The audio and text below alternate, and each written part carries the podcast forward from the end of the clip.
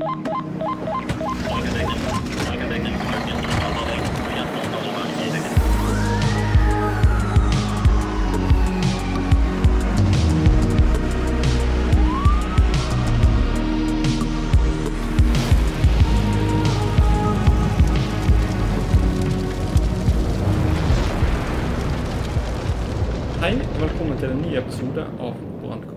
Dag har jeg tatt meg en tur til psykologen. Eh, og nå skal tonen handle om hvordan man skal møte mennesker i krise. I dag er min gjest Heidi Wittrup Djup, psykologspesialist og daglig leder av Klinikk for krisepsykologi. Hei, velkommen Heidi. Hallo. Så Heidi, kan du fortelle litt om eh, deg selv? Eh, ja, hvem er du? Ja, nei, du har nå sagt det viktigste. Jeg er psykologspesialist og daglig leder her på Klinikk for krisepsykologi. Og her jobber jeg en del med ivaretagelse og oppfølging av barn og familier i veldig vanskelige livssituasjoner. Jeg jobber en del som barnefaglig sakkyndig for retten. Og så driver jeg en del med veiledning og kursvirksomhet ut mot både annet helsepersonell og ansatte i barnehager og skoler, men også foreldre og privatpersoner som, som ønsker det. Og gjennom arbeidet her på klinikken så er det jo litt sånn administrativt, selvfølgelig, siden eh, det er noe daglig drift som skal ivaretas. Men vi får jo mange henvendelser fra eh, mennesker eller organisasjoner eller lokalsamfunn som har opplevd veldig kritiske hendelser. Eh, og da blir vi eh, mobilisert inn i de hendelsene, enten for å ivareta den psykososiale oppfølgingen, eller gjennom å gi råd til ledelsen. Eh, eller på ulike måter bidrar vi da inn med, med, vår kompetanse. Og Det kan av og til være avgrenset til akuttfasen, og noen ganger så vil det også strekke seg ut i tid, sånn at vi er med i den langsiktige oppfølgingen av de rammede. Mm. Spennende. Så dere er en eh, klinikk for eh, krisepsykologi. Hva er det som skjer her egentlig? Ja, altså i, den, i, hverdagen vår så er det jo primært eh, behandling og oppfølging av traumatiserte mennesker eller mennesker i krise. Så Noen av de eh, klientene som går hos oss, de eh, går til behandling som følge av langvarig traumatisering. Veldig ofte så er jo det voksne som har opplevd eh, vold og overgrep og alvorlig omsorgssvikt i barndommen. Eh, og de har mer sånn langsiktig perspektiv på behandlingen sin. Men vi får òg eh, en del klienter som befinner seg i en krise her og nå, sant? som nylig har opplevd dødsfall eller alvorlige ulykker. Eh, som nylig har blitt eh, voldtatt. Vi har grupper for voldtektsutsatte, bl.a. Vi har også grupper for personer i sorg. Eh, voksne som har mistet partneren sin, eller foreldre som har mistet barn. Så vi jobber med litt forskjellig, men, men, her i hverdagen så er det jo den kliniske oppfølgingen som, som preger oss mest. Men det er klart vi får som sagt en del henvendelser eh, både fra folk som ønsker eh, opplæring eller kursing eller ulike former for kompetanseheving. Eh, vi får henvendelser fra andre som jobber inn i en krise, og som ønsker veiledning på hvordan de skal håndtere det. Men så har vi også en del beredskapsavtaler med ulike organisasjoner og kommuner. Og de har da anledning til å ringe oss egentlig døgnet rundt. Vi har en sånn egen vakttelefon da, som vi går rundt med tre tre psykologspesialister i en sånn sløyfe, sånn at vi er sikre på at vi alltid svarer hvis det er noe. Eh, og da kan de ta kontakt der for å be om eh, rådgivning i akuttfasen, eller da be oss om å komme til hendelsesstedet eh, hvis det har vært f.eks. en alvorlig ulykke på en plattform eller på en arbeidsplass, eller hvor det skulle være. Mm. Så vi prøver jo Det er vanskelig å svare helt sånn avgrenset på hvordan vi jobber, for det varierer veldig fra situasjon til situasjon. Men vi prøver jo alltid å liksom besvare behovet eh, som er der ute. Um, og, og, vi får jo en del henvendelser fra også mediene, altså, der vi, de ønsker psykologfaglig, et psykologfaglig perspektiv på en hendelse som har vært. Mm. Så vi er jo opptatt av å på en måte formidle kunnskap både ut til fagpersoner, men også ut til befolkningen sånn generelt. da. Mm. Så det er, altså det er veldig meningsfylt uh, arbeid. da. Mm.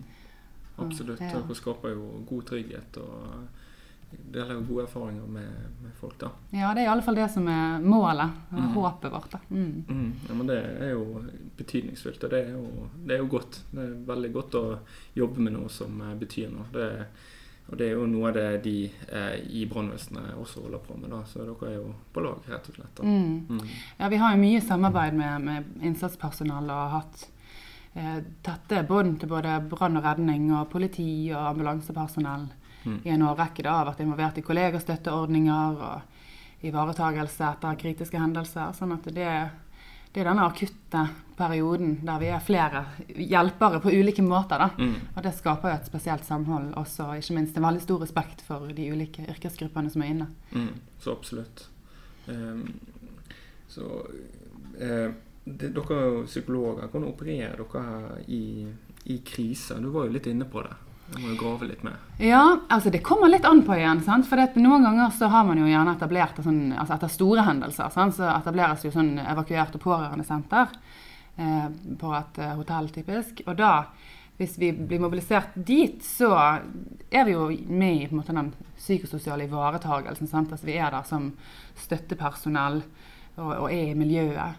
Eh, men, men vår rolle blir som regel å spille andre gode. Sant? For det er viktig at ikke vi kommer inn fra sidelinjen og overtar. sant? Mm. Eh, Så vi pleier som regel å fokusere på råd og veiledning til de som allerede har disse funksjonene. Sant? Og, og da vil vi jo samarbeide med Røde Kors eller med ansatte som har en sånn personellberedskapsfunksjon i bedriften som er rammet, f.eks. Eh, de har gjerne egne eh, sykepleiere eller, eller ulike folk som bekler disse rollene. Og da er vi mer med i bakgrunnen. Eh, Så råder vi gjerne ledelsen på hvordan de skal organisere hjelpen, hvordan de skal formidle informasjon, hvordan de skal håndtere media, hvordan de skal sikre ivaretakelse av pårørende, eh, hvordan man skal tenke det langsiktige perspektivet, sant? for det uteblir jo av og til. Um, og, og tenke på hvilke ulike grupper er det som er rammet på ulike måter her. Sant? Så vi, det er mye råd og veiledning Mm. eh, vi kommer inn med. Men det er klart at for noen så er jo det å få eh, samtaler viktig. Sant? Så da er jo vi tilgjengelig med eh, individuell, individuell støtte. Mm. Eh, kanskje noen trenger hjelp til å eh, roe ned, hjelp til å måte orientere seg til her og nå-situasjonen. Um, kanskje det er noen barn som trenger støtte, eller, eller hele familier som trenger det. Mm. Og, og vi er òg tilgjengelig for gruppebaserte samtaler for typisk da innsatspersonell eller, eller gru grupper som har blitt direkte berørt, f.eks.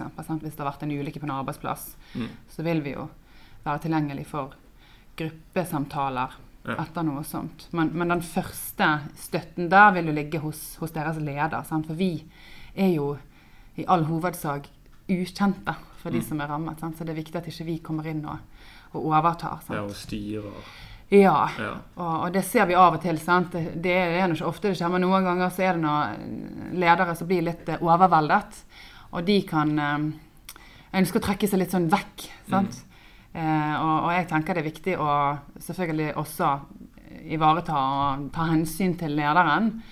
Men det kan noen ganger tenkes at noen deler av lederansvaret skal delegeres bort til andre. Men det er viktig at ikke lederen abdiserer fra ansvaret sitt. Så da er vi heller der og, og trygger på eh, hvordan dette skal formidles, hva som er viktig nå. Eh, så det der å kanskje rydde litt, sortere litt og bidra til organiseringen av ja. den første fasen, det er nok det viktigste vi gjør i den situasjonen. Ja, et slags eh, du hjel Dere hjelper de til å hjelpe seg sjøl for å få litt sånn ro og orden og bli mer strukturert. Ja, sant. Altså rett og slett eh, få litt eh, Ta en fot i bakken. Hva er det som har skjedd? Hvor mange er rammet? Hva skjer videre? Eh, hvem har hvilken rolle? Eh, hva slags funksjoner må dekkes inn her? Eh, hva blir det viktigste å gjøre nå? Hva blir det, hva blir det viktig å gjøre etter det? Mm. Altså rett og slett, ja, rydde litt opp. Ja. Få rett fokus. Mm, for en Mm. krise kan være ganske overveldende for de som er direkte berørt. Og da, da er det på en måte vår jobb, tenker jeg, da, at vi hjelper de å se at her er det fortsatt et handlingsrom. Det er noen muligheter her som vi kan gripe, eh, og det er noe å gjøre. Og det, det tenker jeg blir viktig. Og så er det selvfølgelig viktig at ikke alt blir rettet mot måte, det tekniske eller det operasjonelle. Sant? Selv om den ordinære driften også skal ivaretas, på sett og vis, så er det noe med å, å løfte frem de menneskelige aspektene. Sant? Mm. At uh, her er det mennesker som er redde, her er det mennesker som er sinte, her er det mennesker som er veldig opprørte. Mm. Her er det mennesker som er numne. Uh, her er det mennesker som har rukket å tenke dramatiske tanker om hva som kunne ha skjedd hvis så eller hvis så. Og det skal også respekteres og møtes på en, på en god måte. da.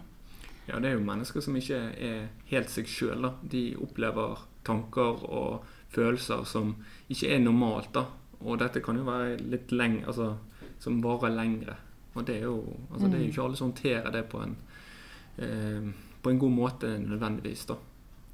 Nei, også er det sant, for det er jo gjerne normale reaksjoner likevel. sant? Det er situasjonen som er unormal, ikke egentlig reaksjonene som regel. Men, men det er ikke vanlig for de, sant? De har gjerne ikke hatt det akkurat sånn før. Og de kan bli ganske redde for det, det er så sterke reaksjoner. Eh, og så er det klart at hvis, hvis man er pårørende og ikke vet status for eh, en man er glad i, så er jo det vanvittig tungt å gå med den ventetiden. Ja, Søke etter svar, da. Ja. Informasjonsbehovet er så stort i den tiden der. Og Ja. det òg er veldig viktig å huske på. Da. Her må det formidles informasjon med forutsigbarhet. Mm. Eh, og hvis du ikke har informasjon, så er det viktig informasjon det òg. At, at man vet at klokken tolv så får jeg vite mer. Og hvis det ikke er mer å si siden sist, så ikke avlys uh, møtet, men, men møte opp og si det er ikke noe nytt siden sist. Og, sant? og Mm. gi likevel en statusrapport. Sant? For det er med på å strukturere litt en situasjon som ellers er ganske uutholdelig for de som lengter etter svar. Altså. Mm. Jeg kan jo se sånn, trekke det inn mot brannvesenet også. da, at jeg ser jo at eh, I en sånn innledende fase da, så, så har vi et ekstremt behov for informasjon. da, Og så er det så frustrerende fordi vi vet så lite. Og i og med at vi vet så lite av og til, da, så, så kan ikke vi agere. og det er liksom frustrerende, for vi har så lyst til å hjelpe. da. Så det er litt sånn, jeg tenker det er mye det samme mønsteret, men kanskje ikke den samme situasjonen. da. Eller det er ikke den samme situasjonen, men eh, ja. Ja, men det er jo et, eh, jeg synes det er et viktig perspektiv å, å trekke frem. Da, for det der, eh, vi blir jo litt aktivert av, en, av en kritisk hendelse. Sant? Og, og man mobiliserer både mentalt og fysisk. Sant? Man, man blir mer skjerpet, og man, man får et behov for å gjøre noe. Mm. og for dere som er innenfor brann og redning, så er jo dere opplært til det. Sant? Dere, dere har jo på en måte et handlingsrepertoar som er kjempeviktig å anvende. Men det hører jo fra mange som har fått beskjed om å vente. Eh, og det leste jeg også i avisen etter Gjerdrum-hendelsen òg. Det var et intervju med en der som sa at det var noe av det tøffeste. Det var å være klar til å hjelpe, men ikke kunne gjøre det. For det var jo ikke sikkert ennå. Det var en del ting som måtte avklares. Og det var tøft å stå i den ventefasen når du er så eh, Når du er klar til å agere. Um, og det er klart at det, det er jo belastende. Særlig hvis det da blir eh, veldig alvorlig utfall av det som har hendt. Så kan jo det også gi grobunn til tanker om kunne jeg ha gjort mer? Mm. Kunne jeg ha handlet på en annen måte? Ville det da ha hjulpet? Og det er tøft å sitte med i ettertid. Ja, og det er jo De tankene jo, blir jo direkte usunne, for du, du ser jo liksom i ettertid at du kunne gjort noe, men Eller kanskje du kunne ha gjort noe, men du visste ikke der og da. Da blir det litt sånn Det kan jo føles kanskje, kanskje litt sånn urettferdig, da. Fordi at Hvorfor ble det sånn? Fordi at jeg, jeg kunne jo gjort noe, men jeg gjorde ikke det. Og det er litt sånn urettferdig mot redderen, da, tenker jeg, da. Ja, og for det er det der med Jeg pleier å si at det, det er veldig kort vei mellom en sterk følelse av ansvar og en sterk følelse av skyld.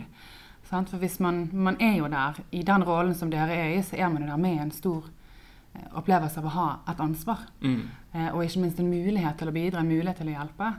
Og det hører jeg jo fra flere at, at det er en del sånn skyldfølelse som kan komme i etterkant. Og det er jo også helt, helt naturlig. Det er en helt vanlig reaksjon. Mm. Så det er jo viktig å normalisere det litt. Samtidig så er det noe med Vi sitter med svaret her og nå. Sant? Og da så reiser du på en måte tilbake i tid da, med kunnskapen du her, har her og nå, og så dømmer du deg selv der og da. Mm. Så det er jo på en måte, det er litt urettferdig overfor en selv, da, men det er jo like fullt helt forståelig at i lys av den nye informasjonen man har, så ser man at man kunne handlet annerledes, f.eks. eksempel. Og veldig ofte så er jo kanskje ikke det engang sant, at, og det kommer jo veldig mange også fram til. Eller de kommer frem til det i fellesskap. sant? Det er gjerne flere kollegaer som tenker det samme, og alle ser Det blir kanskje tydeligere når en kollega sier det, at nei, men du kunne jo ikke vite det, eller du kunne jo ikke gjort noe annerledes, eller vi fikk jo beskjed om sånn og sånn. Vi måtte jo tenke på det. Så at man ser det ganske klart når det gjelder andre, kanskje. da. Men noen ganger så er det jo faktisk eh, en, et element av i hvert fall læring, da, om jeg ikke skal kalle det for skyld, men at man, man ser at ja, man, man, skulle faktisk ha gjort noe annerledes. Mm. Og da er jo det noe man må faktisk bruke litt tid på å forsone seg med. Da. At ja, vet du hva, jeg, eh, jeg kunne gjort noe annerledes. Mm. Og når jeg nå ser hvor alvorlig dette ble, så, så burde jeg ha gjort det. Mm.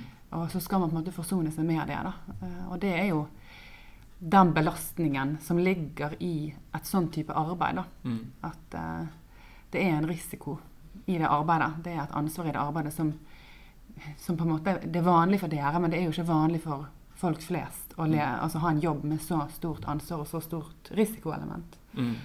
Så det er jo en del av denne menneskelige aspektet igjen. sant? Altså, Gi rom for de reaksjonene òg. For det er tungt å føle på det.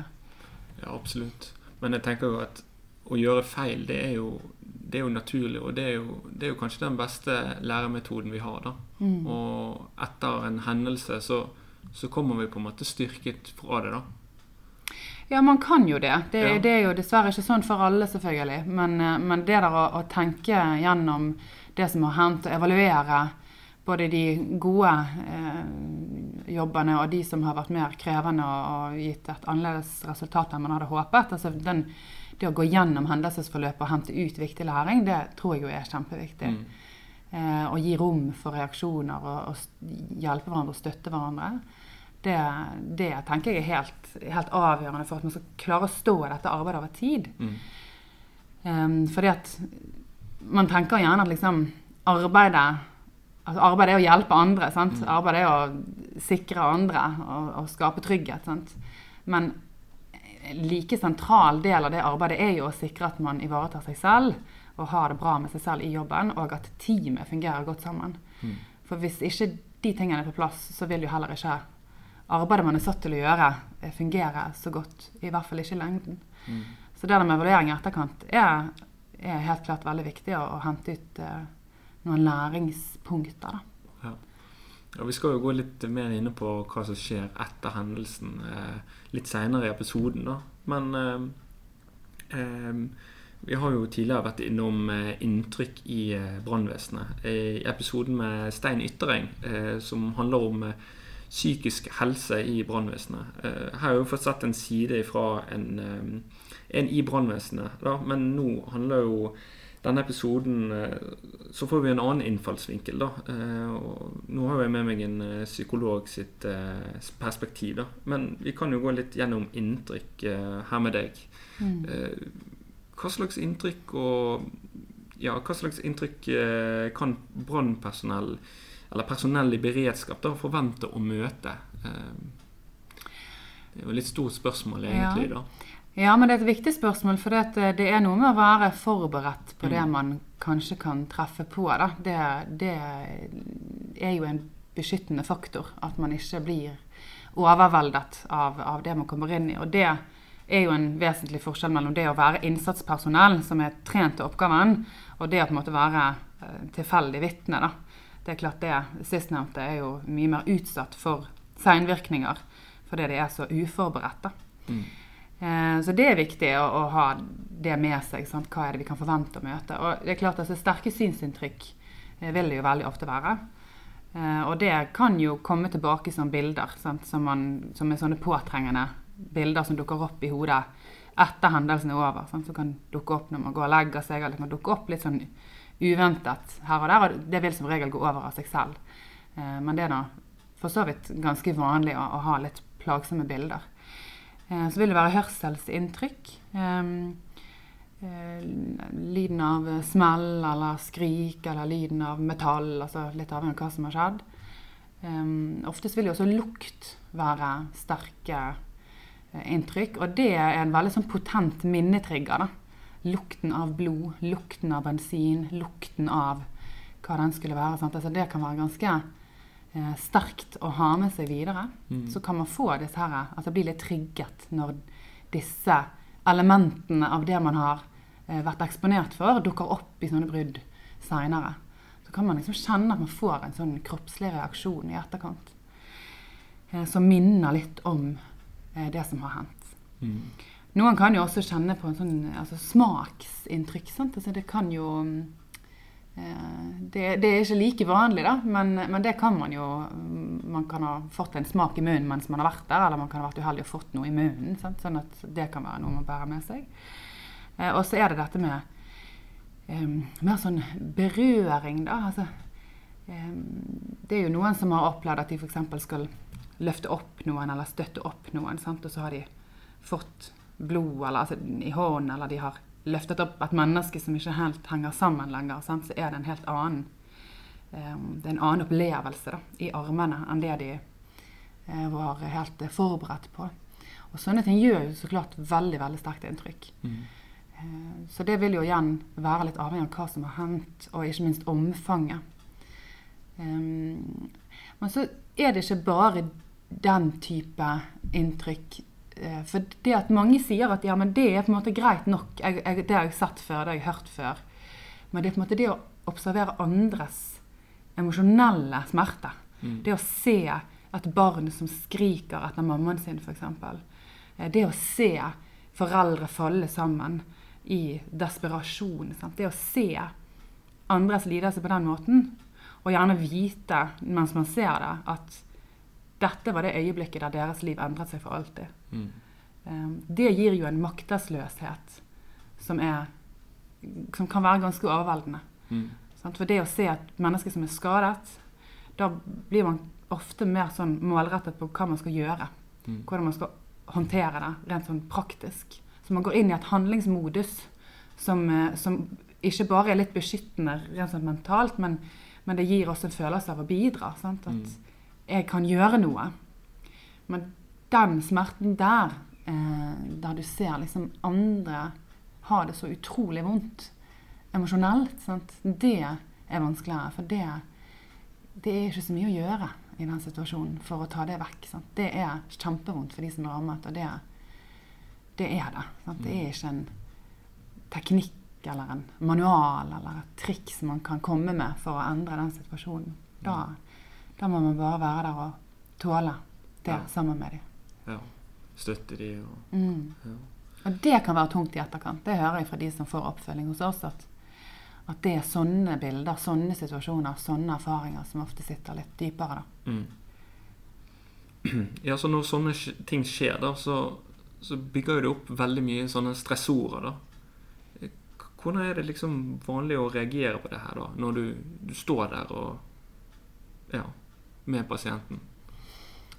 Altså I situasjonen så er det nok, det er nok mer vanlig blant trent innsatspersonell å, å, reagere med Som veldig mange sier 'jeg tenkte ikke, jeg bare gjorde det'. Mm. For dette her ligger på en måte i deres måte, repertoar, og det blir veldig forsterket av denne krisen. De vet hva de skal gjøre, og det gjør de.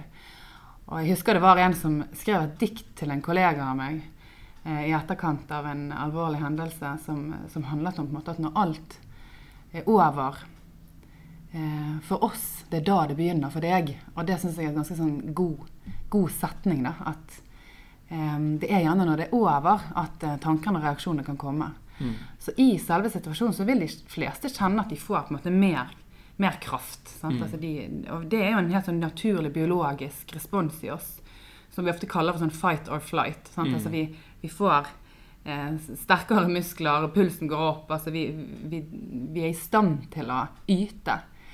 Um, men for noen uh, kan det jo være veldig overveldende. Men det, det opplever jeg oftere at er tilfellet for, for de som ikke er forberedt, og som ikke har fått tilstrekkelig opplæring, eller som er tilfeldige vitner, uh, eller i en situasjon der det, dette er noe du forventer at skal skje, f.eks. på en arbeidsplass, de kan jo oppleve mer en sånn lammelse, en sånn frysreaksjon, eller en mm. sånn Um, at de føler at de blir veldig sånn numne. da. De klarer ikke gjøre noe. Um, og det er også en helt forståelig sant, biologisk respons. Altså, når du er i en situasjon der det ikke er mulig å slippe unna, så er det egentlig hensiktsmessig å gi litt opp. på en måte da. Så det, kroppen skrur seg på en måte litt sånn av. Uh, og mange forteller at ja, det var som om jeg så meg selv på film, eller det var, som, som jeg, det var helt uvirkelig. Mm. Eh, men poenget er at det kan være veldig tungt å bære på i ettertid hvis man ikke forstår den biologiske mekanismen i det, og hvis man tenker at 'jeg sviktet'. Og det er klart at Hvis det er en leder eller et innsatspersonell som, som reagerer på den måten, så er det veldig tungt å kjenne på dette på at der feilet jeg i min oppgave og i mitt ansvar. Jeg sviktet alle rundt meg. Det er tungt å bære på etterpå. Um, men sånn i etterkant av en hendelse, i den første tiden, så er det jo vanlig, vil jeg si, å, å ha litt sånn litt uro. sant? Altså Kjenne seg litt sånn rastløs, litt stresset. litt Gjerne når du kommer hjem og skal legge deg om kvelden, så du føler deg egentlig helt utslitt, men idet du legger hodet på puten, så bare er det akkurat som det du har kverner i hodet, og kroppen er helt giret. Mm. Og det er ganske vanlig. sant? Det er jo en myte det der at du er nødt til å sove etter en belastende hendelse. sant? Eh, det, du må gjerne det. altså Sovner du, så er det helt fint, det òg. Men, men, hvis du ikke sovner, så gjør jo ikke det noen ting. Tvert imot så sier vi at det kan være kanskje med å redusere risikoen litt for senplager. For når vi sover, så konsolideres minnene. Det vil si at, at, vi på en måte lagrer litt sterkere de inntrykkene vi har. Så det er egentlig like greit nesten å ikke sove så godt den første natten eller to. Men hvis det, selvfølgelig søvnvanskene fortsetter, så er det mer bekymringsfullt. Du, du trenger jo søvn på et eller annet tidspunkt. Så at mange kan oppleve at de konsentrerer seg dårligere. Ja, at de har litt mer sånn uro um, inni seg. sant? Noen kan kanskje kjenne at de vegrer seg litt for å gå tilbake på jobb. sant? Men en del av disse tingene er helt, helt vanlig, helt forståelig ut ifra reaksjonen. Men hvis det får lov til å fortsette, pågå over tid, vedvare over tid, da kan det jo utvikle seg til plager. Mm. Eh, hvis du over tid ikke får sove, hvis du over tid ikke klarer å konsentrere deg, du merker at du blir mer nedstemt, mer engstelig, vegrer deg for å ta del i de arenaene som du vanligvis mestrer godt, sant? enten det er jobb eller det sosiale livet ditt eller sammen med familien. Du trekker deg vekk fra relasjoner. Begynner å isolere deg. Får litt destruktive mestringsstrategier. sant? Noen henfaller jo til alkohol, rus, selvskading. sant? Altså, men, men, da snakker vi om på en måte en, en Da er det ikke lenger vanlig. Sant? Vi skal ikke normalisere det. No. For Vi har vært veldig opptatt av dette med normalisering, og det er fordi det er viktig. Det er viktig at folk ikke blir redd sine egne reaksjoner, men skjønner at dette gir mening i lys av det jeg har opplevd. Og at det gir mening at du reagerer sånn som du gjør, i lys av det du har opplevd. Sånn at vi får litt større forståelse for både oss selv og hverandre av å ha den kunnskapen om normale reaksjoner. Men vi må òg være klar på at det er ikke alt som er innenfor det man må forvente etter en alvorlig hendelse.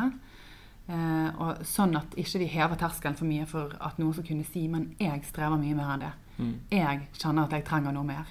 Så vi må åpne opp for at noen faktisk vil trenge en annen type oppfølging. Eh, og det må vi også sikre. Og så er det klart Vi må også huske på at det er òg vanlig å ikke reagere. For det er ganske mange som har kommet til meg etter en eh, sånn type hendelse og spurt er det noe galt med meg som ikke reagerer sånn som eh, alle andre ser ut til å gjøre. Sant?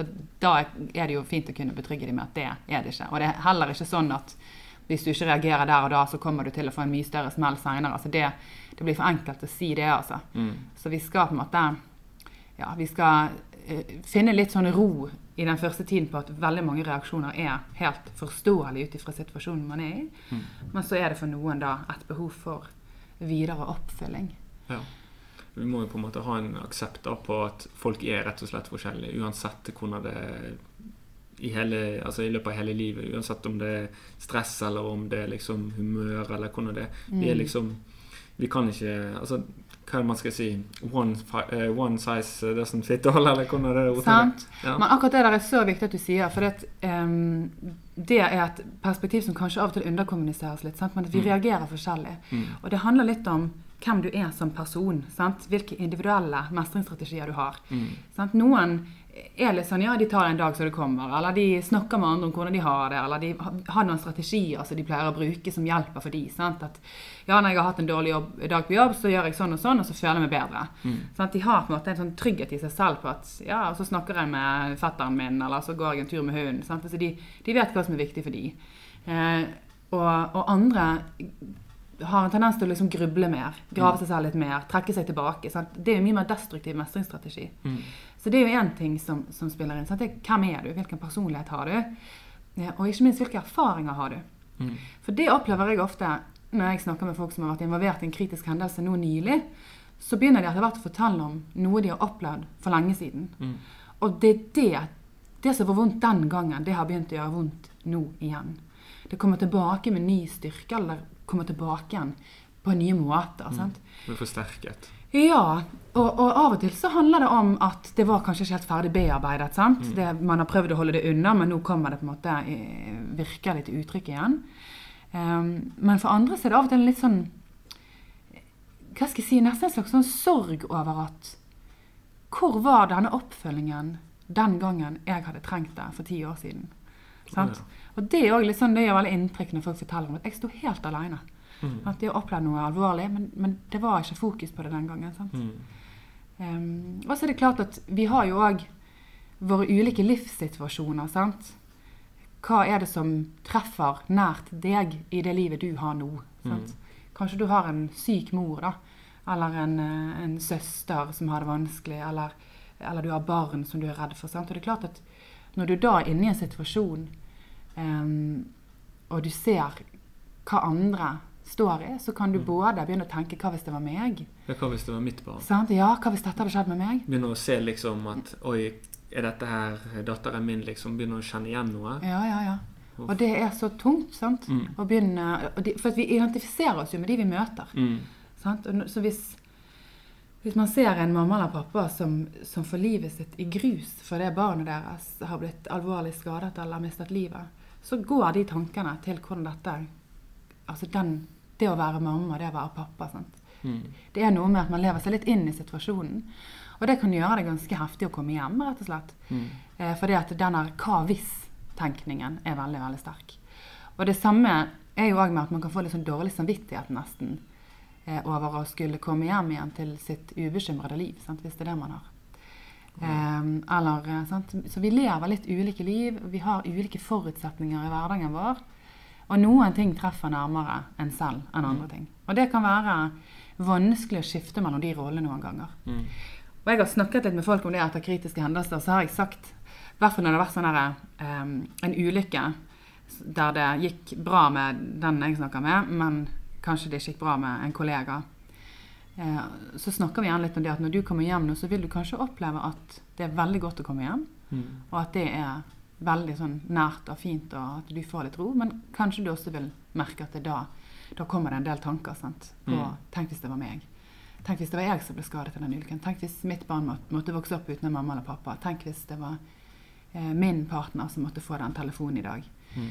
Eh, eller eh, man kan også komme hjem til en litt sånn mismatch mellom hvor man er henne selv, og hvor eh, familien er hen. sant? Som kan være så lettet og glad for å se deg.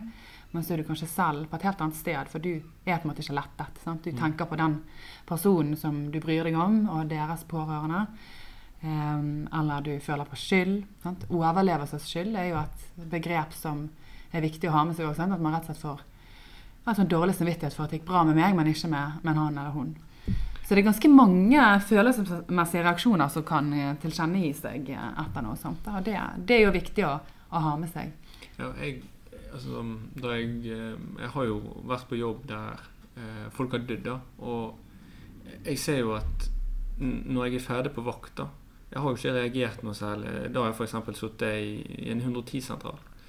Og da blir det litt sånn når jeg kommer hjem til kjæresten min, da, så da merker jeg at de dagene er det ekstra godt å bare komme hjem til noe, og du kjenner litt sånn på hvor godt det er å ha noen, og hvor viktig det er å ha Altså, ja, du er liksom Hvordan skal jeg si det? Det blir jo litt sånn Du har ikke lyst til å miste det, og du, du Mm. verdsetter det du har, mer Mm. fordi du har sett et tap. Mm, ja, absolutt. Og det der er viktig å høre deg si, sant, som Mm. står i den jobben. Sant? Mm. det, for det tror jeg vi skal være litt sånn ærlige om. At det gjør inntrykk noen ganger. Gjør det mer inntrykk enn andre ganger. Og det å um, ja, få litt andre perspektiv. Og sånn, for det er det mange som sier at ja, denne jobben gir meg noe viktig perspektiv i livet. Jeg er veldig bevisst på hva som er viktig for meg, hva som betyr noe for meg, hvilke mennesker jeg ønsker å ha i livet mitt, Mm. hva jeg vil bruke tiden min på. Sant? Og, og noen ganger så gjør jo noen hendelser veldig sterkt inntrykk på nettopp det. Og en annen ting er jo det at vi trenger vi trenger litt hjelp til å koble oss av det som handler om jobb òg. For det, at, um, det er jo det en måte vårt private liv bidrar til. Sant? Det å komme liksom, tilbake igjen til hverdagen og normaliteten utenfor jobb. Sant? Det å sitte og drikke kaffe med noen venner, eller gå på tur med hunden, eller komme hjem til kjæresten sin, eller lage noe mat. Eller, sant? Altså, de tingene som ikke handler om jobb. Vi trenger jo de pausene da, Mm. eh, for å orientere oss til her og nå-situasjonen, og, og ikke hele tiden gå og belastes av det man har erfart. Da. Absolutt. Og det er det jo kanskje noe som kommer litt med, med trening òg. At man blir vant med at, at eh, noe skal rollen min forholde seg til. og noe annet skal personen jeg er, forholde seg til. Men det, noen ganger så siver dette her litt i hverandre. Sant? Mm, Det- det blandes- Ja, det blandes litt i hverandre. Eh, Og det tror jeg er viktig å snakke om. Sant? Og hvis det skjer over tid, sant? hvis stress går over tid, sant? så er jo det er potensielt ganske negativt. Sant? Mm. Altså, for stress i seg selv er jo ikke egentlig noe dumt. Nei, det er jo Det er jo kjempesunt. egentlig bra. Ja, Ja, ja, ja. vi blir skjerpet av stress. Eh, og i hvert fall når stresset også har en slags eh, dato for når det er forventet å gå litt over. Mm. Men så klart at hvis du over tid opplever at ressursene du har, ikke strekker til i forhold til den oppgaven du er satt til å gjøre, så blir du ganske utslitt. Altså. Sånn at hvis du på det personlige plan ikke helt klarer å gi så mye som det du burde på en måte i, i jobbsammenheng, fordi at du har kanskje noen vansker privat, eller du er rett og slett utslitt, så vil det være vanskelig å stå i en sånn jobb. Og samme hvis de organisatoriske ressursene ikke strekker til. Sant? Det er for lite opplæring, det er for få folk på jobb, det er for lange vakter, det er for lite pauser. altså da eh, da risikerer man jo også å ikke klare å stå i det i lengden. Mm. Men, men det, der er det viktig å skille mellom det akutte og det lang, langvarige. da. Mm. For eh, når, noe, når noe har skjedd helt brått, og det er noe akutt som skal håndteres, så, så tåler man jo å jobbe, jobbe på i de timene det tar, og eventuelt de dagene det skulle være. Men, men, men det må planlegges for eh, av, eh, altså en avlastning eller en avløsning av vaktene, sånn at, det Mm. blir, at man har flere å spille på da, hvis Ja. det skal pågå over tid. Absolutt. Så jeg må jeg spørre, hvordan blir vi egentlig bedre forberedt til å, ja, til å møte mennesker i krise? Altså, jeg tror jo det er um, viktig å diskutere eh, internt eh, hva er det vi står i i denne jobben. Hva er det vi må forvente at denne jobben vil føre til. Mm. Eh, hva kommer vi til å bli eksponert for? Hva er, eh, hva er det vi har i vente? Sant? Altså en, en, rett og slett opplæring og kunnskap i forkant er jo viktig, sånn at man, man er skjerpet. Eh, og man vet hva man skal gjøre, man vet hvem som skal gjøre hva. Veldig mange av de jeg snakker med, sier jo at det å vite at jeg kan stole på kollegaen min, det er kjempeviktig. Mm. Altså, når jeg vet at jeg er på jobb med han, så vet jeg at dette klarer vi. Sant? Så det er en veldig sånn tillit og trygghet i eh, de kollegiale relasjonene som er. Og Det gjør jo også at man er sikker på oppgaven, og det er klart hvem som skal gjøre hva. Hvem har ansvaret her, eh, og hvor er ulike plassert. da. Eh, Men så tror jeg at man skal ta seg noen runder med seg selv også. sant? Og så har jeg noen eh, ting som kan gjøre meg ekstra sårbar. I, altså Hva er det som ville vært mine triggere, da? Eller hvor er det mine sårbarheter ligger? Mm. Altså For meg personlig så, så syns jo jeg det er eh, veldig eh, vondt eh, med barn som virkelig lider. sant? Altså Det, Mm. det syns jeg er eh, kjempetungt, og jeg syns det ble verre etter jeg selv ble mor. Mens da jeg var litt yngre, så syns jeg det var veldig tungt å forholde meg til eldre menn. Sant? For min pappa døde da jeg var 14. Ja. Og jeg har alltid tenkt at eh, det er så trist at han ikke skal bli gammel. Mm. Og jeg har alltid lurt på liksom, hvordan ville han sett ut sånn, som sånn gammel bestefar. Sant? Og hva hadde han kledd seg i? Og hadde han skrevet meldinger med store bokstaver, sånn som eldre folk gjør? Altså, Hvordan hadde han vært? Sant? Sånn at jeg, jeg husker det var en lang periode jeg syntes det var veldig vanskelig. Men nå er jeg på et annet sted i livet. Mm. Sant? Nå er jo det gått mange år. Dette var jo i 1998 at han døde. Sånn at i dag merker jeg at det er mer det der med barna. Og det er de yngste barna sånn, som treffer meg nærmest, siden jeg har unge barn selv. Og så snakket jeg med en psykolog en gang som sa at ja, ja. For jeg sa ja, men det går vel over det der da med å være så opptatt av sånt. Hun bare nei da, det går ikke over. Det bare flytter, alderen bare flytter seg. Sånn at om ti år så er det mest så er det ungdommene som trigger deg mest. Sant? Sånn at det, det er nok noe vi bare må akseptere. At vi lever et liv, og vi har eh, en historie. Og noen ganger så vil den ja, boble litt opp til overflaten når vi står i, i ulike situasjoner. Og det tenker jeg er kanskje ikke noe vi trenger å eh, på en måte engste oss over. Sant? Altså, kanskje vi bare skal eh, tenke at ja, OK, jeg, jeg lar meg bli berørt. Altså, det, det gjør jo ingenting. Sant? Mm. Det er jo helt, helt fint at vi lar oss berøre av arbeidet vårt, men, men vi må ha likevel nok avstand sant, til at vi Mm. klarer å gjøre jobben vi er satt til å gjøre. Og jeg tenker litt sånn Her handler det om å, også om å kjenne de som du er med, da. Eh, kanskje det kan være lurt da at f.eks. hvis en på et vaktlag da har en, en, eh, en syk bestemor eller en har et dødssykt barn, da, f.eks. kanskje at hvis de kommer til en slik hendelse, og så på en måte kanskje sette et, en strek her, eller på en måte spørre er det greit om du går der, eller kanskje Mm. vi skal unngå da å få den personen til å eh, oppleve et slikt inntrykk, da. Ja, kanskje. sant? Eller så kan det hende at det ikke er et nødvendig hensyn, for det hadde tvert imot vært veldig meningsfullt for den personen. sant? Så det, Mm. det er jo det vi vet jo aldri disse tingene på forhånd. Nei. Eh, men det som jeg tror er lurt, er jo å snakke om det i, i fredstid, holdt jeg på å si. Sant? For det, um, vi, vi blir ofte mer opptatt av det vi skal gjøre, rent sånn konkret, praktisk. Mm. Eh, og roller og, og biler og verktøy og sånt. Men jeg tror at når vi, når vi går gjennom disse tenk sånn risikoanalyser, da, som er kjempeviktig, så syns jeg at et, et element i en sånn type risikotenkning må være hva med oss selv, da? Det menneskelige planet. Hva kan være, hva, kan, hva syns du er vanskelig? Eller hva, tid blir det vanskelig for deg? Hva trenger du da? Vil, hvordan vil du at vi skal forholde oss til det da? Jeg tror det der å løfte opp det der med egenomsorg og kollegastøtte er viktig å gjøre Mm. før vi på en måte trenger det i hermetegn. Mm. For hvis vi kjenner hverandre litt på det nivået også, så vil det være lettere å vite er dette noe vi trenger å ta hensyn til. Er det noe spesielt du trenger nå av ivaretakelse? Og så tror jeg vi skal være litt mer modige når det gjelder det der med å oppsøke hverandre litt. sant? Altså, Mm. eh, Det er av og til sånn at vi gjerne at Hvis jeg hadde vært bekymret for deg, så hadde jeg liksom heller sagt det til liksom, eh, Trude. At ja, jeg lurer litt på hvordan det går med han for tiden.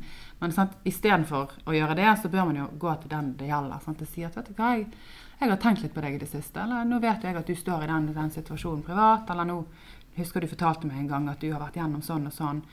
Og det fikk meg til å tenke litt på hvordan det var for deg, Mm. det som skjedde nå. sant? Det, det kan jo være litt sånn Det kan jo være litt skummelt også, for da kan du på en måte minne han på det.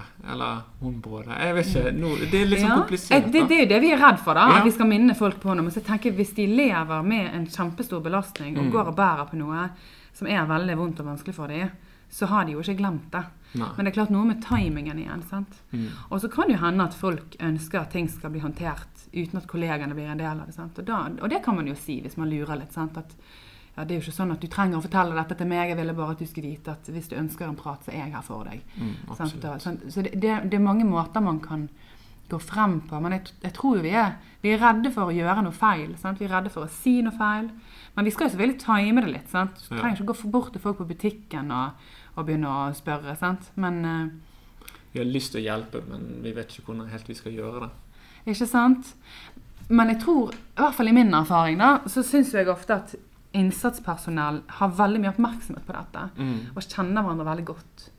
Og det er også på en måte en ganske god sånn forberedelse. For hvis du har den tryggheten, så blir du ikke så redd for å havne i situasjoner som er veldig krevende. For det at du vet at du kommer til å bli fulgt opp. Du vet du kommer til å bli ivaretatt.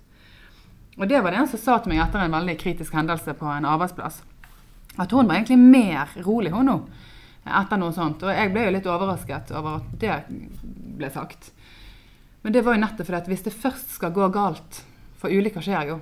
Men da er jeg glad for at jeg jobber her. For da Mm. vet jeg at jeg blir ivaretatt. Jeg vet at vi funker sammen, og jeg vet at jeg får støtte i etterkant. Ja. Og det gir en sånn trygghet òg, da. Mm. Som jeg tenker er, er viktig. Og så selvfølgelig så var det noen som hadde helt motsatt opplevelse. Sant? Som, som opplevde jo at, at eh, livet ble plutselig veldig mye mer skjørt, og man fikk en sånn veldig påminnelse om at eh, livet kan endre seg på et øyeblikk. Så det var jo ikke alle som hadde den opplevelsen, så klart. Men, men jeg syns det sier jo òg litt om hvor viktig det er å ha den sikkerheten i at jeg kommer til å få støtte hvis jeg trenger det. Mm. Det, det er viktig. Ja, absolutt. Men sånn i brannvesenet, det er jo det er jo mannsdominert. Og det er jo et eh, Det er jo et ordtak 'boys don't cry', og 'tøffe gutter griner ikke'. Jeg, jeg føler kanskje vi gutter kanskje trenger litt opplæring da, i å snakke om følelser. For vi er jo egentlig ganske dårlige på det, da. Føler jeg, da. Jeg vet ikke hva inntrykk du sitter inne med, men For du har jo sikkert hatt noen gutter, eller menn her, da, men Ja, altså jeg er litt delt på det. Og det er klart, altså jeg eh, sant? Jeg snakker jo veldig mye. Eh, og jeg lager mange ord. Og jeg er psykolog. Sant? Så jeg har òg en litt sånn psykologisert måte å snakke på. Som jeg ikke nødvendigvis alltid tenker er eh, helt hensiktsmessig. Sant? Fordi at jo mer profesjonelt språk man har, jo større avstand blir det egentlig til det opplevelsesnære. da. Jeg tror det er derfor mange søker litt til dikt og ordtak eh, av og til. Musikk. Musikk, ja. Um, og, og det er derfor jeg òg syns at veldig mange av de som jobber innenfor ulike livssynssamfunn eller trossamfunn, de er så uredde, sant? og de går inn i samtalen dette her på en veldig sånn opplevelsesnær måte. Mm. Og det tenker jeg ofte er veldig viktig. Da. Det treffer veldig nært. Um, og da, det gir en sånn gjenklang til sånn som du opplever at ting er. Da. Um, men det er klart altså, jeg, jeg skjønner jo hva du mener. sant? For jeg tror av og til at Altså jeg tror menn kommuniserer veldig mye om følelsene, men kanskje av og til på en litt annen måte. Hvis vi skal Mm. være litt sånn kjønnskategoriske her nå, da. Eh, Det er jo store forskjeller også innad i gruppene. Ja, ja, Eh, absolutt. Sånn at det, det er noe litt både òg. Det handler jo ikke bare om kjønn. Sant? Det handler litt om på en måte både hva du jobber med, og hva, du, hva slags utdannelse du har, og hvordan du har vokst opp. og sånn. Sånn at um, Jeg har jobbet eh, Før jeg flytta tilbake igjen til Bergen, så jobbet jeg noen år i Innlandet. Og det er klart altså ehm, de, de har jo liksom selvironi på det hele. Altså, de sier jo litt at de liksom Ja, de har ikke, de har ikke så mange ord for ting. Det, at de mente de var liksom, Det var liksom kulturforskjeller. da. Så de var jo noen som lurte på om jeg hadde fått kultursjokk da jeg flyttet dit. sant? Som var bergenser som snakker hele tiden, og så kommer jeg dit, og så sier ikke de så mye. Men jeg, jeg, jeg la egentlig ikke merke til det. da. Fordi at du møter jo først og fremst et menneske. Du møter jo ikke en representant fra en kultur eller fra et kjønn eller fra et uh, område. Men, men jeg tror nok at det som kan være risikofylt, um, er egentlig ikke at det er mannsdominert. Jeg tror at noen ganger så kan risikoen være at man blir for opptatt av at dette tåler vi. Dette er jobben vår. Mm. Dette fikser vi. Og da blir det vanskelig å være den som sier vet du hva, jeg gjør ikke det. Jeg syns Mm. dette er kjempevanskelig. Jeg klarer ikke å slutte å tenke på den lille ungen. Jeg klarer ikke å slutte å tenke på den følelsen i armene mine da jeg løftet opp hun kvinnen, Mm. og hun falt fra hverandre. Sant? Altså, de tingene der det må ikke være mer fokus på at dette fikser vi, enn det er på at vi er mennesker først og fremst. Mm. Det blir en slags sosialt press, da. Ja, det er det det blir. Mm. Og det ser jo Um, de lederne, for det tenker jeg også kommer litt fra hvilken rollemodell du har i lederen din. Mm. De lederne som klarer å være ledere, være trygge, uh, være fokusert og holde det store bildet, men samtidig klare å formidle den emosjonelle nerven. At jeg har jo sett husker jeg var observert en leder. Han skulle formidle et veldig trist budskap til sin eh, arbeidsgruppe. Eh, og jeg husker jeg satt og så på han, og jeg sa til han etterpå at jeg tror at jeg kommer til å ha deg i tankene hver gang jeg underviser om ledelse etter dette. Mm. For det var bare sånn oppvisning i menneskelighet, men samtidig så fattet. Eh, og det var jo fordi han tillot seg selv å være et menneske. Dette Mm. var kjempetøft. Og for de som sitter og hører på, så opplever jo de at de virkelig får gyldiggjort sin opplevelse av dette her. sant? For jeg har jo òg vært inne i, i sammenhenger der ledelsen har vært for opptatt av at dette gikk bra, dette ordnet seg, det gikk ikke sånn som vi det kunne gått. Altså yes, dette gikk bra. Altså de, de er for raske til å løfte blikket og se fremover. Mm. Og det er jo klart, det er et viktig perspektiv, det òg, men du skal time det litt igjen. sant? Du Mm. kan ikke forlate stasjonen før du har ankommet. på en måte da. Du må være der folk er først, og så kan du sammen gå videre. Og de opplevde jo at de ikke ble tatt på alvor, at de ikke ble sett på sin reaksjon på det som var vanskelig for de. For de hadde rukket å tenke alle disse hva hvis-tankene. Hva hvis det hadde skjedd? Hva hvis den tingen ikke var der? Hva hvis sånn og sånn? Hva hvis sånn? Hva hvis det var meg? Hva hvis det var mine barn som måtte vokse opp uten en pappa? Sånn at um, Det tror jeg er veldig, veldig viktig. da. At, er, at vi er gode på en måte, emosjonelle rollemodeller for hverandre, og der vi synliggjør at her er det anledning til å ha reaksjoner på det vi står i. Men det klarer vi. Sammen klarer vi det. Å vise trygghet. Mm. For det er jo ikke farlig å reagere på ting. Nei, nei, nei. Det er jo ikke farlig å hverken gråte eller være redd eller noen ting. Og det er jo helt forståelig sant? at man kan ha en vegring mot å komme tilbake igjen på jobb etter noe veldig spesielt har skjedd, enten privat eller på jobb. Og, og da skal man ikke Hvis vi har for mye fokus på mestring, så vil jo også folk oppleve at det ikke er plass til de lenger hvis de går på litt halv maskin. For det er det òg noen som har sagt. Sant? at av hensyn til på en måte, mine kolleger og arbeidsplassen min, så tror jeg at det er best at jeg er sykemeldt nå. Og så er det kanskje ikke best for den personen, for den personen hadde kanskje trengt litt rytme i hverdagen. Litt gradvis tilnærming tilbake til arbeidsplassen. Men gjerne ikke 100% men litt. Mm. Og da er det viktigere å tenke på hvordan kan vi skape en situasjon der du kan være her på den måten du kan. Mm. istedenfor at her er du enten på, eller så er du av.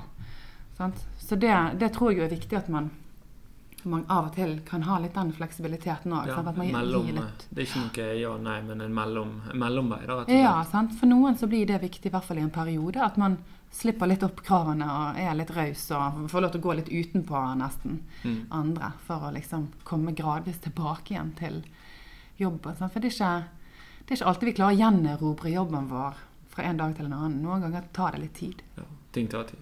Mm, det gjør det. Men hva med dette her med å undertrykke følelser? Ja, hvis det er det man gjør, så er ikke det så bra. For det, i det som du sier der, så ligger det jo at man driver og bruker energi på å holde noe som er vondt og vanskelig unna. Og det er veldig anstrengende. Det krever utrolig mye energi. Eh, og det gjør jo òg at man kan oppleve at det kommer til overflaten igjen Mm. uten at man har kontroll over det. Sånn at det Så det er jo noe ganske annet enn f.eks. de som opplever at nei, men dette går fint, jeg trenger ikke tenke mer på det. sant? Mm. Altså, Noen vil jo bare gå videre. Jeg, bare, jeg, vil ikke, jeg, vil ikke, jeg vil ikke gjøre noe med det. Jeg vil Mm. bare bli ferdig, og så neste greie, liksom. sant? Mm. Jeg har jobbet mye med flyktninger, sant? og noen av de eh, som jeg har fulgt opp, da, der har de vært litt sånn vet du hva, Det som har vært, har vært. Det må jeg legge bak meg. Mm. Nå vil jeg fokusere på situasjonen her og nå og gå fremover. Og noen ganger er det eh, både helt sånn hensiktsmessig og kanskje også det mest riktige å gjøre. For det krever mye av deg her og nå, sant? så du skal heller bruke energien på det som er nå, enn å begynne å bearbeide det som var. Sant? Og, og det er ikke alltid det er jo ikke alltid vi skal holde veldig stort fokus på det følelsesmessige ved ting heller. Sant? Men, um, men det der med at man undertrykker noe, man kjenner at man må anstrenge seg for å holde det som er vondt unna, Mm. det tenker jeg er en, en lite bærekraftig løsning. Da. Ja. Og så må man jo spørre seg hvorfor. Hvorfor gjør du det? Er det fordi du er redd for at du skal falle helt sammen hvis du åpner opp de følelsene? Eh, Er det fordi du opplever at du ikke vil bli tatt på alvor hvis du gjør det? Er det fordi du ikke aner hva du skal gjøre med det? Er det fordi du opplever at arbeidsmiljøet ikke tolererer det? Altså, Hva er det som gjør at det er så viktig å undertrykke og holde det unna? sant? Men da går vi litt sånn tilbake til det der med den fight or flight-responsen. At du på en måte tar den flighten og så beskytter deg sjøl, kanskje, Mm. med å undertrykke. Ja, og jeg tenker i, i den første fasen så kan jo den eh, mange, mange opplever at det liksom at man er nummen. sant? Sier det uvirkelige som om man var på film. Og det er igjen tilbake til Gjerdrum, når du leste intervjuene fra, fra, fra den hendelsen. sant? Så var det jo veldig mange som brukte det ordet, uvirkelig, og det der med film. Så det føles som du liksom ikke helt er til stede i situasjonen. Og det er jo egentlig veldig beskyttende. At man Mm. ikke tar inn alt på en gang. At det er litt og litt som skal inn. Og det, det er greit. Sant? Det, det er hensiktsmessig. Sant? Og så får man liksom ja, jobbet med det litt gradvis. Mm. Ja, for det kan fort bli litt for mye òg, da. Ja, og hvis man da skal undertrykke det, så vil man jo av og til også begynne å bruke ganske uhensiktsmessige strategier for å klare det. Sant? Og det er jo da man gjerne isolerer seg fra andre. Slutter å At man unngår steder og personer og ting som kan minne om det som har hendt. Eh, og man eh, begynner å drikke for å døyve den emosjonelle smerten. Sant? Altså, man, man må begynne å gjøre ting for å få vekk den indre smerten. da. Mm. Eh, og det, det er jo i det lange løp ikke så bra, rett og slett.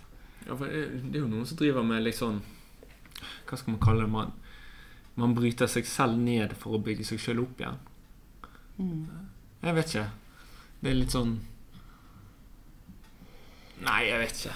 Ja, altså, jeg vet, det er noen som forteller at de, at de føler de på en måte de nådde bunnen, på en måte, da, og da Ja. erkjente de at nå må jeg gjøre noe. Altså Nå må jeg enten ta et grep og få hjelp og dreie om på livet mitt, Mm. eller så kommer jeg til å gå til grunne. Ja. Eh, og, og det er av og til en, en erkjennelse som først kommer når smell virkelig er der. da. Mm. Um, og det um, Det er nok neppe en, en villet eller en intensjonell på en måte, nedbrytning, men, Mm. men mer det at man tenker kanskje at det kommer til å gå seg til, eller at det løser seg etter hvert. Sant? Men så ender man på en måte bare opp med å grave seg mer og mer ned og få større og større vansker, og så, så til slutt så er smellen total, da. Og Mm. da er det mange som har sagt at det var liksom vendepunktet. da. Det var da jeg skjønte at nå må jeg virkelig gjøre noe. Ja. Um, men det er klart man ønsker jo ikke at det skal gå så langt før folk får hjelp. Og det som er det som òg er et problem, for én ting er jo det at noen kan eh, som du sier, undertrykke eller trekke seg unna. Sant? Men, men et annet problem er jo de som faktisk ikke får hjelp, eller der ansvaret for å søke hjelp Mm. skyves over på den som er rammet. Ja. For det er klart at i en krise så vet ikke folk alltid helt hverken hva de trenger, eller hva de kan forvente, eller hva som er lurt å gjøre. Sant? Og da er det jo viktig at det kommer noen inn og sier sånn gjør vi det her. Mm. Dette gjør vi nå. Um, og, og at det er et oppfølgingstilbud tilgjengelig som er litt oppsøkende, og som strekker seg ut til de rammede, og som er tilgjengelig over tid.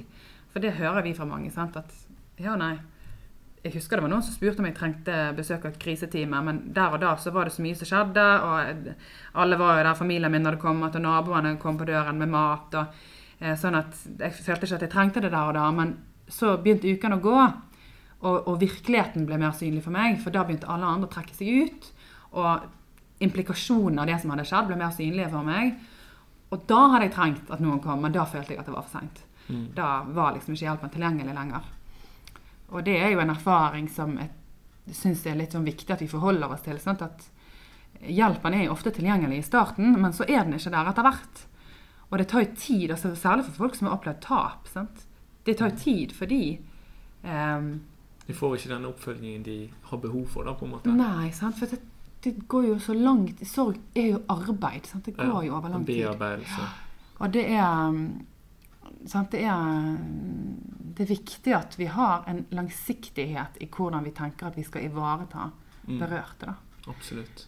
Um, Men har du noen råd da, til oss som skal møte mennesker i krise på stedet, liksom? Altså, du står der med disse her menneskene, og du kan være f.eks. på en hjertestans. da. Hva skal du si til f.eks.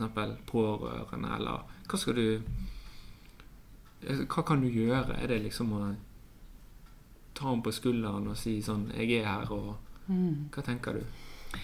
Ja, altså jeg tenker at veldig mange, Når vi syns noe er emosjonelt ubehagelig selv, så vil vi gjerne ha en eller annen manual eller en eller annen Mm. oppskrift eller et eller annet triks, en metode, et verktøy eh, som vi kan anvende. da. Men jeg tror at vi må på en måte forsone oss med at eh, dette ubehaget som vi kjenner på, det, det kommer til å være der. Eh, for det at det er det, det, gjør noe med deg å komme inn i sånne situasjoner. Og vi skal ikke legge listen for høyt i forhold til liksom, hva man skal oppnå eh, av, eh, av lindring i en sånn situasjon. For det der er jo så dramatisk, og det Mm. vil det være for pårørende. så for det finnes på en måte ikke en setning som vil endre det eller ta vekk den smerten. Men det som jeg hører fra de som har blitt rammet, det er jo det å oppleve at noen var der. Mm. Det blikket, den hånden. Eh, sånn som du sier, legge en hånd på skulderen. Um, vise at du er der. Mm. Det, Fortelle at du er der, liksom. 'Jeg er her'. Sant? Mm. det formidler jo veldig mye ro, det formidler tilstedeværelse, og ikke minst så formidler det omsorg. Mm. Og det er jo det folk trenger i en sånn krise. Det er omsorg. Mm.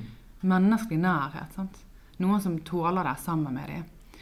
Og så er det klart at det kan være viktig at man har litt sånn at man har litt ro. Sant? Man, at man klarer å organisere dette litt. Holde litt det store bildet. Noen må kan, kanskje skjermes litt. Man må sikre at noen følger opp. Sant? At man ikke bare forlater folk i den situasjonen, men at, at man vet hvem, hvem som følger opp. Og så er det noe med at når folk er veldig krisepreget, så trenger de jo informasjon, som vi var inne på i sted. Og den informasjonen fester seg gjerne ikke. Så de må ha veldig konkret informasjon gjentatt. Nå går du bort der med hund, og de, nå skal dere to sånn og sånn. Altså det, det trengs veldig sånn detaljert. Nå blir han tatt med med ambulansen dit, og så skal du dra dit med den og den. Sant? Altså det, dette må liksom formidles veldig klart og tydelig. Da. Mm. Um, for det vi sier en sånn huskeliste, i hvert fall for min egen del, er jo at altså, i sånne situasjoner så trenger folk først og fremst omsorg. Eh, så trenger de hjelp til å dempe aktiveringen litt. Sant? Mm. Eh, og det skjer jo gjennom f.eks. informasjon, gjennom å strukturere situasjonen, eh, og gjennom nærhet. Sant? Omsorg. ehm, et pledd rundt dem hvis de er kalde og våte. Sant? Altså, eh, mat og drikke. Sånn. Sånne ting som folk ikke klarer å forholde seg til. Sånn. Helt sånn grunnleggende behov blir å gå helt i glemmeboken når, når man er i en krise. Sant? Sånn at over tid så vil jo de tingene der være viktige i den akutte fasen. da. Mm. Um, og så, så trenger de praktisk hjelp. Altså hjelp til å organisere seg igjen. Mm. Så Det er liksom det som vi har med oss også inn i f.eks. evakuerte pårørendesenter også. Omsorg, dempe aktiveringen. Eh, og praktisk hjelp. Mm. Og den omsorgen formidles jo best med blikk og nærhet og Mm. medfølelse, da. Ja. Jeg merker jo litt selv også at, at når vi har vært på, på litt sånn hendelser, alt ifra ja, altså sånn akutthendelser i forhold til helse, da. Eh, Når vi er pårørende, og da har det på en måte Jeg føler det har hjulpet litt når vi kanskje har aktivert det litt. sant? Kan du hente teppet til oss? Kan du, kan du ivareta Kan du ta barna inn dit? Altså, la de på en måte være en del av hjelpen. da. Det har jeg opplevd at det kan fungere. Mm. Jeg vet ikke hvordan hun eller han har eh, opplevd det seinere, men jeg følte at fra at hun satt der eh, til at vi ba henne om å gjøre ting, så gikk det på en måte litt bedre. Mm. Det var i hvert fall det inntrykket jeg satt med. Mm, ja, men det der er veldig lurt. For folk kan jo falle litt sammen i en sånn Mm. situasjon. sant? Og det å, eh, For når du da begynner å henvende deg til hennes på en Mm. måte eh, evne til å gjøre noe, eh, henvende deg til mammaen i henne, eller liksom at hun, at hun kan bidra med noe praktisk, så, så er det noe med at det, er, det demper liksom den emosjonelle aktiveringen litt. Mm. Sant? At, at du, du på en måte mobiliserer en litt sånn annen Ja. side ved deg selv. Ja, og så, så blir det litt sånn Det blir ikke bare et vitne eller et offer, de blir på en måte også en, en hjelper. da. Og får litt en annen rolle i hendelsen. Mm, det å føle at man kan bidra, det at man kan gjøre noe, sant? det er kjempeviktig. Ja, absolutt. Og det ser vi òg på eh, sånn evakuerte pårørendesentre hvis det går over tid. Sant? At for noen så vil jo det òg være viktig. Altså mobiliseres litt. Sant? Mm. Eh, gjøre noe konkret. Det er jo det vi gjerne har lyst til å gjøre i situasjoner. Sant? For at, da får vi på en måte ja, strukturert oss selv litt igjen. Sant? Og det, det, det tror jeg er veldig viktig. Absolutt. Det er jo veldig spesielt å jobbe med mennesker i krise. Men samtidig så er jo det den rollen vi innehar Altså Denne rollen er jo utrolig viktig. Eh, Det virker som vi har en slags myndighet da, overfor eh, de vi møter. De hører jo på oss, stoler på oss og gjør som, rett og slett som vi sier, fordi vi vet ofte best. da. Eh, Selv om ikke kan gjøre mer enn det vi kan, da, så da kan vi gjøre det beste, eh, rett og slett. da, og Slik at de kan få best mulig behandling. Men her kommer jo om, omsorgen inn. Den psykososiale førstehjelpen. Den er jo utrolig viktig for pasienten. Mm. Mm. Den er det, men jeg tror at de to tingene altså det der henger litt sånn sammen. Fordi at jeg tror at i en krise, og dette altså som psykolog så er vi jo litt sånn i en terapeutisk sammenheng, så vil vi jo være mer sånn utforskende. Hva er viktig for deg? Hva tenker du om det? Sant? Men i en sånn type situasjon så er det viktig at noen klarer å ta litt styring. For det gir ro. Sant? Det gir trygghet. At her er det noen som vet hva de driver med. Mm. Um, og det å være i en krise der man selv ikke har eh, forutsetninger til å mestre den, sant? Mm. og da få inn profesjonelle hjelpere eller et innsatspersonell eller, eller um, frivillige hjelpere sant, som har erfaring. Skal virkelig løfte frem de frivillige også. da Vi har samarbeidet mye med bl.a. Røde Kors. Kjempeviktige oppgaver. Men sånn at det gir veldig mye ro for folk å se her er det noen som vet hva de skal gjøre. Mm. Så det er på en måte et element av psykososial støtte i det. Mm. For at noen tar regien, og noen viser at dette går an, altså nå, nå, det går an å gjøre noe i den situasjonen, og nå gjør vi det vi kan. Mm. Um, og det betyr jo ikke dessverre at alt det utfallet blir eh, sånn som ønsket, men likevel. Vi gjorde det vi kunne. Ja, og det er jo viktig. Ja. For man skal jo se tilbake på dette her på et eller annet tidspunkt. Mm. Men, eh, men så er det jo klart at det som jeg syns er veldig fint med, med det som du sier, og det som òg er min erfaring med, med brann og redning, er jo pårørendeperspektivet. Og tenk så viktig det er å anerkjenne pårørendes eh, behov for hjelp og støtte, og hvilken Mm. belastning dette er for dem. Og der tenker jeg nesten at, at helsevesenet har ligget for bakpå Mm. med å virkelig ta det inn over seg. sant? Um, for det at pårørende er ikke en uuttømmelig ressurs. da. De skal jo stå i dette her.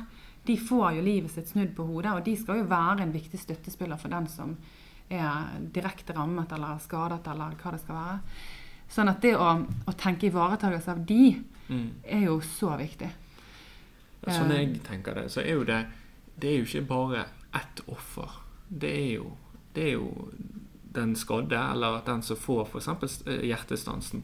Og så har vi den, den pårørende, vitne, familien, et eller annet. Det, alle må på en måte få en slags vil ikke si behandling, men få omsorg. Mm. Og det er den medisinen vi kan gi. Mm.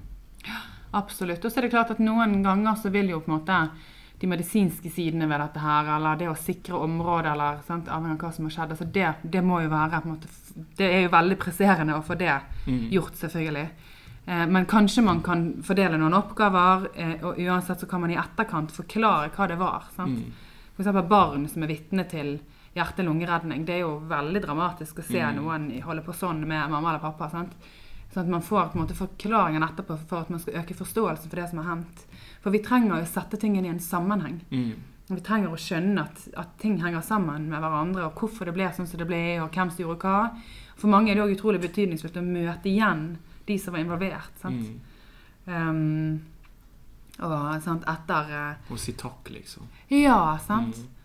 Eller liksom bare se den personen i øynene som var den siste som så Mm. eh, broren din i live. Altså, det er noe med liksom det å få lov til å, å Closure. Ja, sant? Mm. det er en del linjer her som skal trekkes opp mellom ulike prikker. Så, og det, det perspektivet er viktig. For de, som du sier, altså det er veldig mange som er involvert utover den som ligger på en måte rett foran deg. da. Mm. Og noen ganger glemmer vi jo det. sant? Vi, vi tenker jo litt sånn at det fins et hierarki av rammer der. Og så er det noen som er på toppen, og det er jo sånn nærmeste familie. Og så fordeler det seg litt nedover. Og så er det alltid noe vi har glemt. sant? Før pleide vi å glemme besteforeldre. Nå husker vi på det litt mer. Og så glemte vi kanskje søsken, og så husker vi de nå. Og så har vi glemt venner, og så nå vet vi at de også trenger det. sant? Altså, det er noe med å liksom tenke gjennom hvem er det som er involvert i dette her, i den store sammenheng. Mm. Og det er klart, dere skal jo selvfølgelig ikke ivareta alt det. Sant? Det er jo noe med at folk har jo forskjellig avgrensning på arbeidet sitt og ulike mandat, men, men vi skal likevel ha det med oss i tankene. At eh, ivaretagelse, det, da må man tenke ganske bredt Mm. og ganske langt frem i tid. Mm. Absolutt. Men eh, så ofte etter ulykker da, så har vi noe som heter debrief. Eh, der vi går gjennom ulykken og, og prøver å lette på disse her eh, psykologiske ubehagene og, motvirke plager. Men eh, kan du fortelle litt om hvordan en slik debrief, fungerer egentlig? Og hva, ja, hva gjør man på et slikt møte? Ja, da må vi først avklare hva man mener med debrief. For dette debrief er et eh, ord da, som, eller et begrep som av og til fylles med litt ulikt innhold. For du har den første umiddelbare samtalen like i etterkant. Det refereres gjerne til som en diffuse eller en avlastningssamtale. Eh, Og da kommer man sammen, de som har vært involvert i dette her, eh, som, som gruppe. Og så får man liksom Ventilert. ja, rett og slett ventilert litt. Mm. Og da vil jo det gjerne være lederen som, som er til stede, og, eller teamleder eller hvem, som på en måte da kanskje eh, dreier samtalen litt, hvis det blir veldig mye fokus på følelsene. For vi skal helst ikke overdrive fokus på følelser så kort tid etter en hendelse. Det er faktisk ikke så bra for oss. Ja, hvorfor ikke? Nei, vi ser det, at det kan være med på å faktisk bli mer aktiverende. At man kan få mer eh, plager seinere. Ja. Ja. Sånn at eh, hvis, eh, hvis man har sånne typer samtaler der folk begynner å liksom Ja, det eneste jeg klarte å tenke på, var sånn og sånn, eller, eller begynner å snakke om liksom Tenk hvis barna mine hadde mistet meg i dag. Så, så er jo det veldig forståelig at det kommer frem, men da er det gjerne som vi prøver å dreie samtalen litt. Liksom, ja, ok, og hva? Når var det du skjønte du var trygg? Eller hva, hva gjorde du da? Eller hvem kom da? Ja, hvem kom etter deg? Altså Man prøver å fokusere på fakta, prøver å fokusere på handlingen. Mm. Sånn at det ikke blir for mye fokus på følelser. Og en annen ting som skal vi har med litt i bakhodet, da, er om man har hatt veldig ulik grad av eksponering. Um, det er ikke nødvendigvis sånn at den som har sett de mest groteske tingene, skal fortelle i detalj om det. For det kan jo hende det er noen som da ikke har blitt vitne til det, og som ikke har godt av å høre om akkurat det. Så det er et forbehold vi gjerne har med oss, men som gjerne er litt mindre relevant akkurat når det gjelder brann og redning, for der vil jo gjerne disse inntrykkene uansett deles. Og den ene har, som kanskje ikke var der akkurat da, har gjerne vært borte noe lignende en annen gang. Sant? Sånn at tålegrensen for den type inntrykk og beskrivelser av, av sånn eksponering er nok høyere hos, hos innsatspersonell selvfølgelig enn hos hvis jeg hadde hatt en debrifing hos en, en gruppe på en vanlig arbeidsplass. på en måte da. Men det er på en måte den umiddelbare ja, ventileringssamtalen, som de sier. Og Der legges det jo gjerne en sånn plan for når vi skal møtes igjen. Også, at okay, nå, nå runder vi av for i dag, og så møtes vi igjen i morgen klokken ti og hører litt hvordan det går. Eller lederen sier ja, jeg ringer der i løpet av morgendagen. Og så er det typisk at noe skjer rett før det er helg. da, Så tar man gjerne en samtale om hvordan skal vi eh, ha det sammen i helgen. Hvem skal hjem til hva nå? sant? Og hvis det er noen man er litt sånn ekstra bekymret for, så så har man gjerne en ekstra avtale der. Sant? Hvis man vet at det er en som skal hjem alene, så tar man gjerne kontakt kontakter den personen og avtaler de tingene der. Sant? Mm. Så kan man da gi litt sånn informasjon om vanlige reaksjoner der og da. Ikke sant? At ja, kanskje dere kjenner dere blir litt rastløse eller urolige når det går mot kveld, eller at for noen kan det kanskje ha vanskelig å sove. De fleste reaksjoner er helt vanlige. Det er òg vanlig å ikke reagere. sånn at Man kan få sagt de tingene. Eh, og så en debrifing. Det er jo det som gjerne da skjer etter en sånn type to-tre to, to, dager. Ja, Da er den uformell, eller Den er, den er mer formell. Ja. Den er strukturert med liksom en, et slags oppsett. Ja. Eh, og det som er fint med, med dere, er jo at det er litt sånn rutinemessig oppfylling. Mm. Og da slipper folk å ta stilling til om det er noe de skal si ja eller nei til. Det er jo selvfølgelig frivillig, man drar jo ikke folk inn i debrifing. Men, men det er på en måte en eh, rutine. Så derfor blir det litt sånn at folk er med. Mm. Folk pleier veldig Ja, jeg opplever at folk pleier å være med på det. Og så er det kanskje noen som sier nei, men det der har ikke jeg behov for. Eh, Og da pleier mitt svar å være at det er, det er jo bra. Altså Det er fint å høre at du kjenner at du ikke har behov for det. Men det kan godt hende at du sitter på informasjon om hendelsen, eller at du har viktig erfaring fra hvordan du håndterer disse tingene, Mm. som hadde vært viktig for de andre å høre. Mm. Og det er jo det som er fokuset. Det er det som er hovedmålet med en debrifing, er at man skal hjelpe hverandre Ja, til å håndtere det. Yes. Eh, Stå sammen, mestre sammen og se fremover sammen. Mm. Og da er det jo det ofte sånn at de kommer, de også. Og noen ganger syns de at det var nyttig for de personlig likevel. Sant? At de kjente at det var faktisk litt godt å få snakket ut. Mens andre ganger så har det faktisk vært veldig verdifullt at den personen satt der og kunne si nettopp de tingene. Fordi det var så flott for de andre å høre. Eh, og i en sånn debrifing så har vi jo først en, eh, en introduksjon der vi sier litt om altså, hva som er hensikten, bakgrunnen for at vi er samlet. Eh, og, og, og hva man på en måte skal gjøre, og ikke minst ikke gjøre i en sånn debrifing. For det er jo viktig at folk vet at det er ikke, på en det er ikke et granskningsutvalg. Det er ikke i den situasjonen man skal finne ut hvem sin feil det var, og hvem som skulle ha gjort sånn istedenfor. Det er ikke Havarikommisjonen som kommer, eller Arbeidstilsynet. Det Nettopp. Det Og, og det er liksom viktig at altså, dette er for å gå gjennom hendelsen, for å Mm. skape sammenheng, for å forstå hva som hendte, eh, sette ting inn i på en måte kontekst. Eh, kunne reflektere litt rundt hvordan man har reagert på hendelsen, eh, og hvordan man skal gå frem sammen. Og, man får da har man på en sånn runde da, der man først går igjennom det som har skjedd. Mm. Der man enten tar liksom runden rundt bordet, eller at man kanskje begynner med den som kom først til stedet, eh, hvis det er et, et ønske. Og så bygger man på en måte ut hendelsen, og det er utrolig viktig. Det, det bruker vi gjerne ganske lang tid på, fordi at det er så mange biter som faller på plass. Mm. Du hører gjerne folk si 'Oi, var det derfor du sto der?' Mm. Sånn, ja, ja. Var, var jeg der allerede, ja?' Nettopp. Sånn, Altså, det er en del ting som faller på plass. Og så kan man ha en gjennomgang på liksom hvordan man tenkte rundt det. Sant? Hva man tenkte på vei dit. Hva man tenkte mens man var der, hva man tenkte etterpå. Eh, inntrykk man har hatt, kan også deles. da. Og som sagt, da har man det der lille forbeholdet i bakhodet. Sant? Er det noen som må skjermes fra disse inntrykkene? Mm. Eh, og skal man eventuelt dele det opp? Sant? Men det, det tar man litt der og da. Uh, og så er det dette med hvordan man har reagert. Sant? Hvordan man reagerte der og da, og hvordan man har hatt det etterpå. For da har det gått et par dager. Og så trekker man jo sammen disse linjene litt, sant? Um, der man uh, først og fremst så pleier jeg å tenke 'stol på gruppen'. Mm. For det er utrolig kraftfullt når en person sier noe, og er, for det er alltid en som starter med å si noe som er veldig sånn emosjonelt sterkt. da, Mm. eh, Som harmonerer veldig med sånn som de andre opplever det. Og så endrer på en måte hele gruppedynamikken seg. sant? Eh, og da er det så mye støtte å finne. Mm. Det er så mange altså Både det at folk sier 'vet du hva, jeg har tenkt akkurat det samme'. Eller 'ja, sånn var det for meg òg'. Eller at de korrigerer hverandre litt. Nei, nei, nei, nei, det kunne ikke du vite. For jeg hadde jo sagt sånn og sånn. Mm. Og det har jo helt, en helt annen slagkraft enn at jeg som utenforstående psykolog sier det. Mm. Så det, det er veldig sånn mektig å være vitne til egentlig de gruppeprosessene.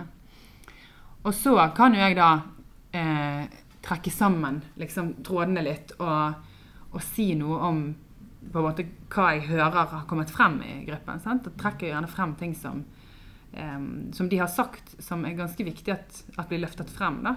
For så er det ofte en historie om samhold.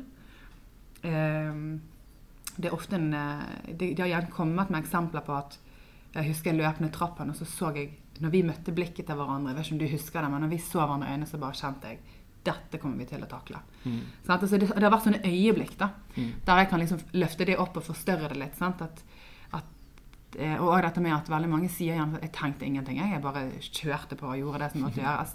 Og det er jo liksom viktig å løfte frem. Sant? At Ja, dette er en historie om mestring, om at dere klarte å mobilisere. Eh, og så kan jeg normalisere en del av de reaksjonene som har kommet frem. Eh, rose veldig innsatsen ved å faktisk være der. Sant? Så dette kan jo ta litt tid òg. Det går gjerne noen timer i en sånn debrifing. Og så kan jeg òg komme med da noen råd for veien videre. F.eks. noen Hva kan være viktig for å fremme god søvn? Det, betydningen av å holde på rutiner. Betydningen av å være litt sosial. altså Gjenoppta hverdagslivet. sant? Mm. For når, når ting endrer seg, eller når ting blir kaotisk for oss, så trenger vi at noe ikke har endret seg også. Vi trenger normalitet. da. Vi trenger rutiner. Ja, vi gjør det. Virkelig. Så det å legge seg og stå opp og være med familie, være med venner, komme tilbake på jobb, ha en plan for hvordan man skal stå sammen. Mm. Normalisere hverdagen igjen. Ja. Og liksom oppfordre til at betydningen av å kunne dele med hverandre. Sant? Hvis noe er vanskelig, er det da rom for å liksom si noe rundt det? Ja, ja, ja. Sant? Så kommer det veldig masse sånne fine tanker rundt det. Og så òg litt sånn at hvis dette her ikke går over, hvis de reaksjonene som dere har fortalt om, eller hvis sånn og sånn, så altså ha liksom litt informasjon om hvordan man kan eventuelt gå frem for å få videre oppfølging hvis det er behov for det. da. Mm. Ja, og det kan jo av og til skje at noen kommer etterpå og sier at vet du hva, dette er veltet lasset for meg. altså Jeg har slitt lenge, men når dette skjedde nå, så kjenner jeg at jeg, jeg fikser ikke mer nå. Jeg trenger hjelp. Og da får man jo sikret at den oppfølgingen skjer der og da. Mm. Så får man lagt en plan for det. Og så vil man kanskje avtale en ny debrifing. Eller ikke, det blir jo ikke en debrifing, men altså nytt, et nytt møte da, noen uker seinere. Ja. ja. Ehm, så det er på en måte grove trekk det som skjer der. Så det er jo på en måte viktig å tenke, det der er jo ikke, en, det er jo ikke gruppeterapi. Sant? Det er ikke sånn at vi sitter i ring og forteller om vårt indre følelsesliv. Sant? Altså Vi sitter på en måte og har en veldig sånn konstruktiv, målrettet Mm. gruppesamtale. Der vi skal finne på en måte felles grunn. Eh, og det finner vi jo gjennom å forstå hva som har skjedd, og gjennom å vite hvor, hvor er vi på vei hen videre. Mm. Og min erfaring er at det der opplever folk som veldig nyttig. Ja, og jeg, jeg tenker jo det at som en gruppe, de som har vært med på dette her, de, de blir jo kjempetrygge på hverandre etter hvert. Hvis, det, hvis dette fungerer bra, da. De kommer til å få et mye bedre samhold, og, og de, de lag, laget blir rett og slett styrket da, Mm. ved å gå gjennom en hendelse sammen. Åpne opp om hvordan ting fungerte, og så kan de på en måte bygge videre på det. da. Mm. Så jeg vil jo sterkt anbefale å delta på det. Mm, ja, absolutt. Det er veldig forsterkende for det der kollegiale limet. Sant? Og det er klart at Hvis da en eller to eller tre velger å ikke være en del av det, så, så blir jo det eh, det blir et tap for gruppen. sant? Mm. Eh, men det kan jo også føre til litt sånn, en opplevelse av å stå litt utenfor det fellesskapet som Mm. av og til oppstår etter kritiske hendelser. Så det er noe med det der å liksom være en, en del av helheten da, som jeg tror er viktig. Og det gir som du sier, det gir en veldig trygghet å vite at eh, kollegene mine tåler hele meg. Mm. Sant?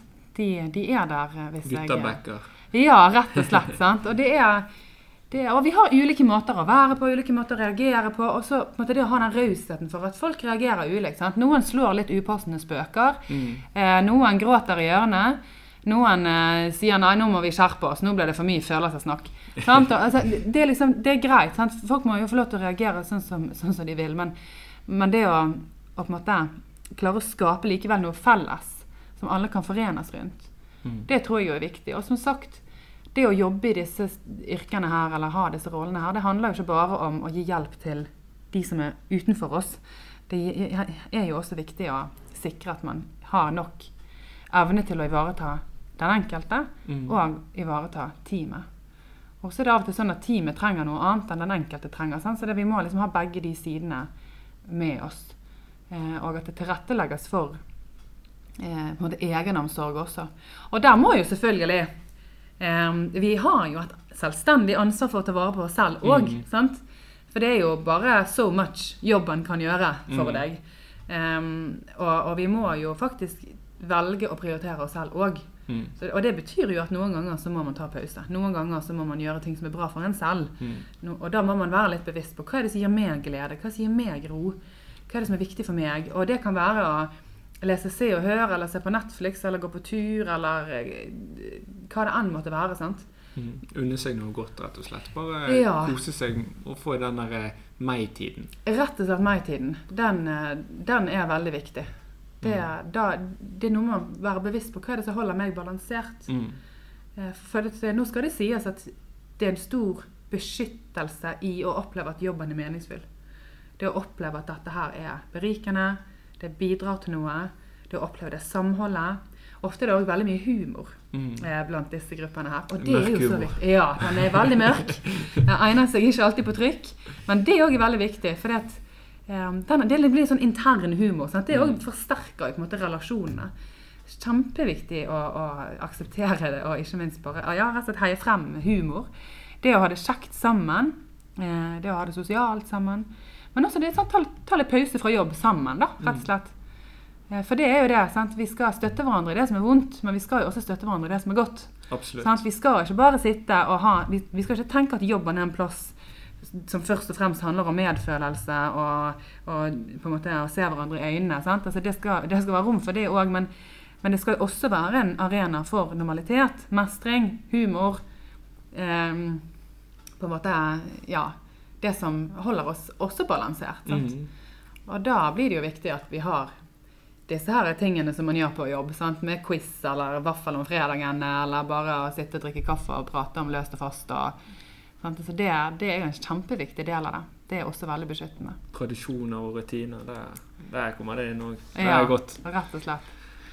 Men eh, hva er det som skal Hva er det som skal til for at spesialister eller altså, psykologer blir koblet inn? Altså, hvor, hvor er egentlig eh, grensen for at Ja, at dere blir koblet inn? For det, de blir jo Vi kan jo bli, eh, oppleve alt fra hjertestans til, til eh, ja, stygge bilulykker uten uten at noen blir koblet inn. Mm. Hva er liksom Hvor går grensen? Ja, og der er du jo inne på noe som er ganske krevende, tror jeg. For eh, hvis det er veldig mange rammer der, og store hendelser, så er nok sannsynligheten for at eh, flere kobles inn, mye større. Eh, og det er jo fordi at altså, Da begynner vi jo gjerne å snakke om at det er en katastrofe. Sant? Altså Behovet overskrider de tilgjengelige ressursene. på en måte da. Eh, men for den som er rammet Altså hvis, hvis, en, hvis foreldre har mistet barnet sitt i en ulykke, så er jo den smerten like bunnløs som hvis det hadde vært 10 barn eller 15 barn. Sant? Altså, Mm. Så for de som er direkte rammet, selv om krisen involverer færre, så er jo det Det er uansett en katastrofe. Ja, sant. Men da er det ikke nødvendigvis sånn at, at det kobles inn masse spesialister. Og det vil jo også gjelde innsatspersonell. Sant? At det er, det er ikke alltid altså på en måte Objektivt sett så er kanskje en hendelse mer dramatisk og alvorlig og omfattende enn en annen hendelse. Men, men for den personen, subjektivt sett, så kan jo det like fullt oppleves veldig dramatisk, det som skjedde, men som hadde et mye mindre omfang, men så bl- uteblir oppfølgingen. Så det der er jo en utfordring, for det er ikke noe på en måte klart punkt der nå tar vi og tilkaller noen. sant? Mm. De vi har beredskapsavtale med, har jo ganske lav terskel for å kontakte oss. For de vet at vi er der, og, og de har måte det som en del av sin prosedyre. på en måte da. Mm. Um, og, da, og vi stiller opp, for det er vår side av avtalen. Sant? At ja, nå ringte de, så nå drar vi. Mm.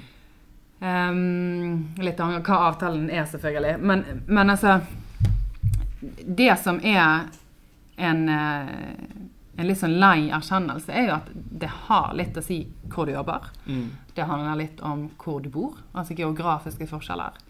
Oppfølgingstilbudet varierer veldig fra sted til sted. Um, og det har òg litt å si hvordan ledelsen håndterer det hele. Mm. Som sagt, noen har ledelse, har ledere som er så påkoblet, og som klarer virkelig å liksom håndtere de menneskelige aspektene ved det som har skjedd, i tillegg til den ordinære driften og alt dette praktiske som skal følges opp, og, og har på en måte en helt annen tenkning rundt oppfølging Mm. enn det man gjerne ser andre steder igjen, der det er litt sånn Nå går vi videre. Um, eller at det kommer for seint i gang. Sant? Mm. Så det er, det er faktisk ikke et klart svar på når spesialister kalles inn. Mm. Eh, og vi er jo i tillegg sant? Vi er jo et privat foretak, sant? så det er jo òg noe med at det vil jo også koste penger. Mm. Sant? Og hvem er det da som skal eie det? Sant? Og hvis en hendelse er involvert flere forskjellige aktører, altså hvem, Hvem eier hendelsen over tid? Det er jo også en, et spørsmål. Sant? For det handler jo om eh, hvem skal plukke opp eh, regningen for, for innsatsen. Um, og, og, noen ganger altså på små steder sånn, så kan man risikere at f.eks. kriseteam, som gjør veldig viktig arbeid Men noen ganger på, litt, på små steder så kan jo kriseteamenes medlemmer være direkte berørt gjennom sin rolle som pårørende. Så da må man jo hente ressurser andre steder ifra. Og så er det jo dessverre òg sånn at noen kriseteam Eh, er mye mer sånn fragile. da, altså de, Det er store utskiftninger. og så De får ikke den mengdetreningen. Mens andre steder igjen så er det liksom samme folkene som har vært i kriseteamet de siste 15 årene. Mm. Og har masse kompetanse og erfaring. og sånt.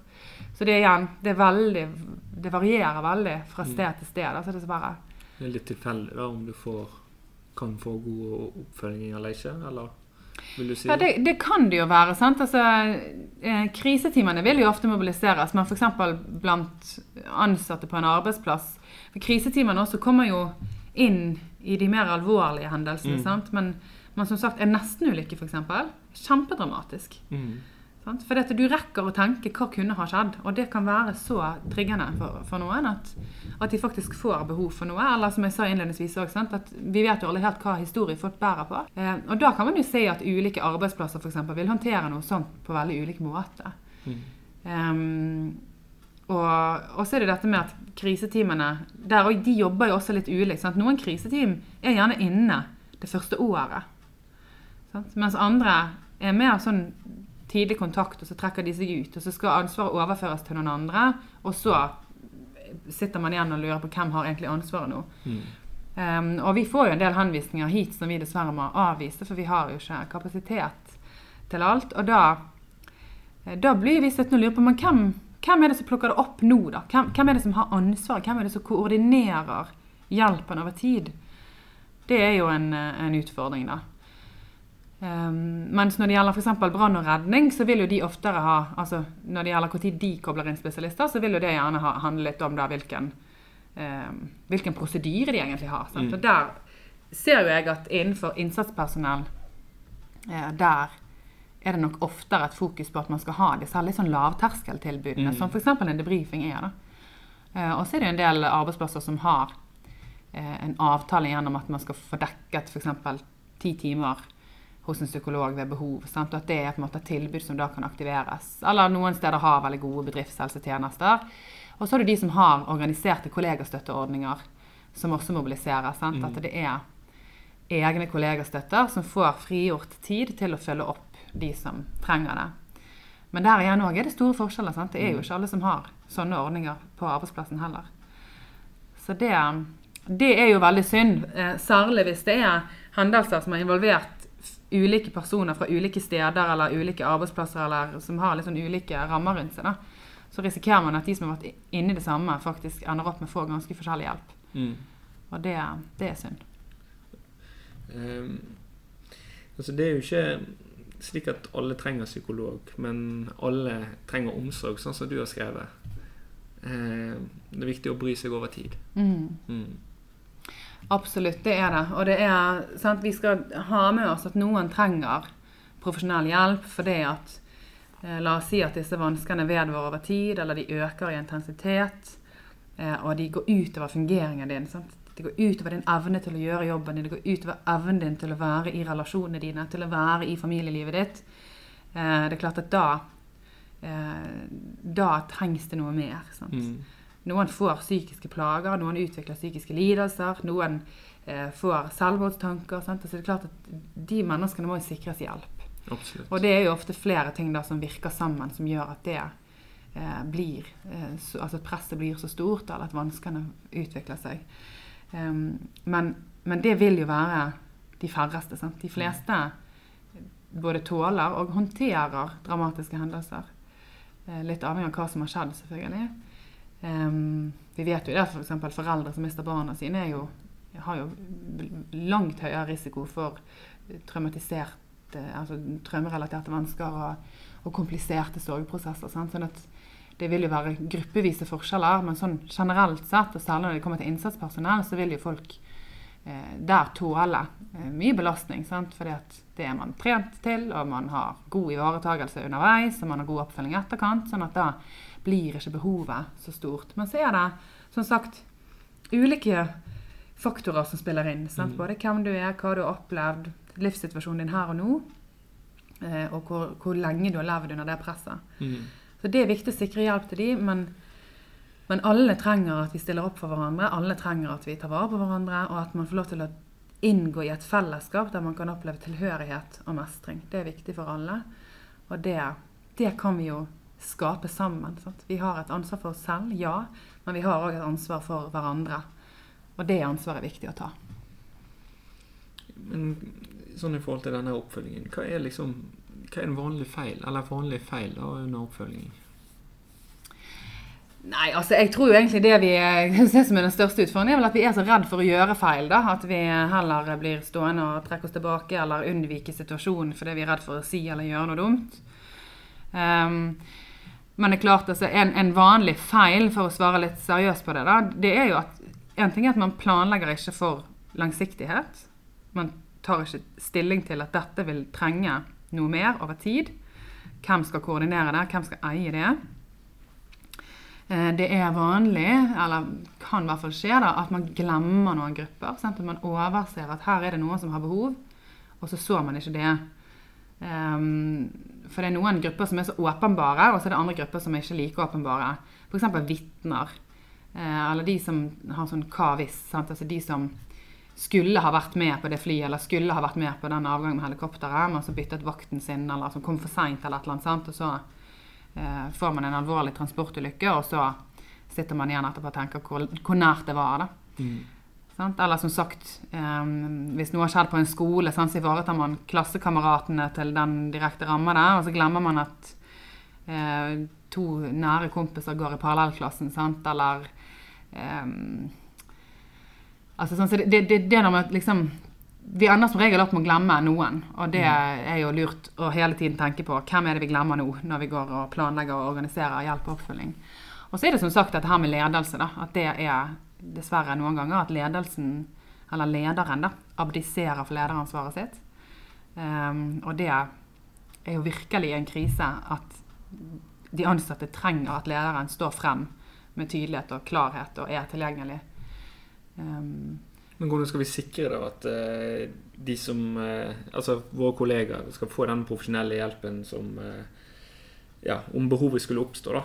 Altså hva skal vi se etter, rett og slett, hos folk, eller Altså jeg tror hvis vi legger merke til at en kollega endrer seg veldig, ja. så, så kan man jo tenke at det er det muligens noen grunner til mm. som man bør undersøke litt mer og, og følge opp litt. Sant? Altså, hvis en kollega som vanligvis er lett på foten og prater i vei og er synlig og tilgjengelig i miljøet, trekker seg helt unna, er avvisende, er sint. Altså, hva er det det handler om? Sant? Um, og man ser på en, en atferdsendring eller en endring i personligheten, mm. uh, så, så, er jo det grunn til å tenke seg om. Og så selvfølgelig hvis, hvis, den personen gir uttrykk for å ha f.eks. veldig masse påtrengende bilder enda, uh, eller klarer ikke Altså har, er veldig sterkt preget av sånn unngåelsesatferd, som mm. er veldig vanlig når man har sånn traumerelaterte vansker eller en eller annen angst rundt noe. Da. At man liksom klarer ikke forholde seg til, eh, til å være i de situasjonene. Eller at du ser at den personen presser seg gjennom alt. Altså, de klarer å gjøre det de skal, men du ser at det er med veldig stor anstrengelse. Og at det koster veldig mye mer enn det har pleid å gjøre. Mm. Så tror jeg at det kan være ja, og at man da skal være litt sånn modig igjen. da, Tørre å oppsøke hverandre. Eh, våge å sette litt ord på hva man tenker rundt det man observerer. Eh, kanskje sette det litt i sammenheng med, med, det som har skjedd, eller andre ting som du vet at den personen gjerne har vært igjennom. Eh, og så er det jo sant, det er jo et lederansvar oppi her også som skal, skal tas. da. Mm. Og det å vite kan kanskje gi informasjon om det. Sant? At her har vi, Hva slags linje skal man følge hvis man trenger noe mer? Sant? Ja, her har vi sånn og sånn avtale med psykologer, eller her har vi det og det på HR eller på, um, i bedriftshelsetjenesten. eller sant? Hvem, hvem, skal man gå til? Og så er det jo av og til sånn at man kan si gå til lederen din hvis du har behov for noe. Eh, Men det forutsetter jo òg at relasjonen til lederen er god, og at Ja. lederen tar det imot. Og det er jo dessverre ikke alltid tilfellet. Det er lett å si, men det er vanskelig å gjennomføre. Eller det kan være vanskelig å gjennomføre, rett og slett. Sant? Og det er ikke alltid alle har lyst til å dele alt mulig med lederen sin heller. Mm. Sant? For det er noe med at du skal eh, Skal du liksom måtte tømme deg for en person som du også skal senere forhandle lønn med, eller, eh, eller på en måte diskutere arbeidsbetingelsene dine med, eller arbeidsoppgavene. Sant? Altså, det er jo noen som trenger at Jeg vil at jobb bare skal være jobb. Jeg vil at jeg vil ikke at kollegaen mine skal vite alt dette, her, for jeg orker ikke å bli liksom den, den personen som har det så vanskelig. Den personen som de alltid skal se rart på. Jeg har ikke lyst til å komme inn i lunsjen, så slutter alle å snakke fordi jeg kom inn i rommet. Altså, de, de har bare lyst til at arbeidsplassen skal være en plass som er normal Mm, fremdeles. Så det skal jo respekteres. absolutt. Så man skal på en måte kanskje formidle litt sånn ulike, ulike linjer. da, At uh, det er mulig å gå til den, det er mulig å gå til den, det er mulig å gå til den. Og så er det klart at for noen så vil jo eh, det kanskje være naturlig å gå via fastlegen sant, og få en henvisning hvis det er sånn at man trenger eh, på en måte hjelp i, i spesialisthelsetjenesten eller et eller annet system enn det som arbeidsplassen skal tilby. Da. For det er jo òg noe med å ikke på en måte gjøre arbeidsplassens ansvar helt sånn urealistisk stort òg. Mm, For det er jo en av de krevende oppgavene som ledere har. Det er å finne balansen mellom å gi omsorg til sine ansatte og å gi struktur, hverdagsrytme, arbeid. Sant? mm, En leder sin jobb er først og fremst å lede. mm? Ikke å være glad i sine ansatte. Selv om det er veldig fint når ledere er glad i sine ansatte, så er det på en måte det er ikke først og fremst en omsorgsrolle de skal ha.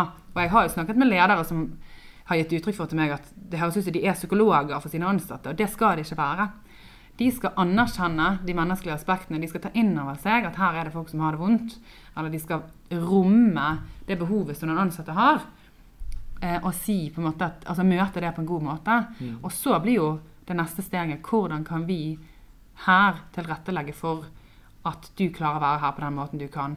Jeg har noen tanker om hvordan vi kan gjøre det, men jeg vil først høre litt om du har noen tanker om hva som er viktig for deg. Mm.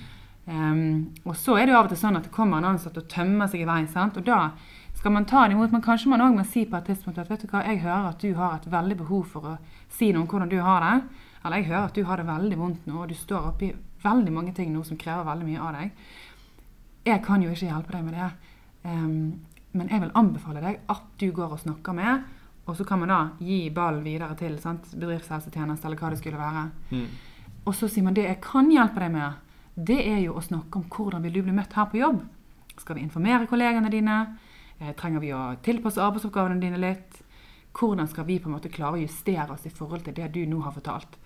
For det er ikke lederens jobb først og fremst å, å, å gi omsorg og være medfølende, selv om det også er en viktig del av, altså, av personalledelse, selvfølgelig. Men den balansen må finnes. Og det er vanskelig for ledelsen å finne. Um, og det kan òg være litt vanskelig for de ansatte, for de vet ikke helt hva de skal forvente. Mm. Og hvis man går til lederen med en forventning om å gå til en slags psykolog eller få evig evige mengder med trøst, så, så vil jo den forventninga bli brutt. Sant? Den vil ikke bli innfridd. Det, for det skal den jo ikke bli, men da kan man også bli veldig skuffet. Så det er jo noe med at, at lederen skal klare å formidle noen grenser og noen rammer uten å være avvisende. Mm.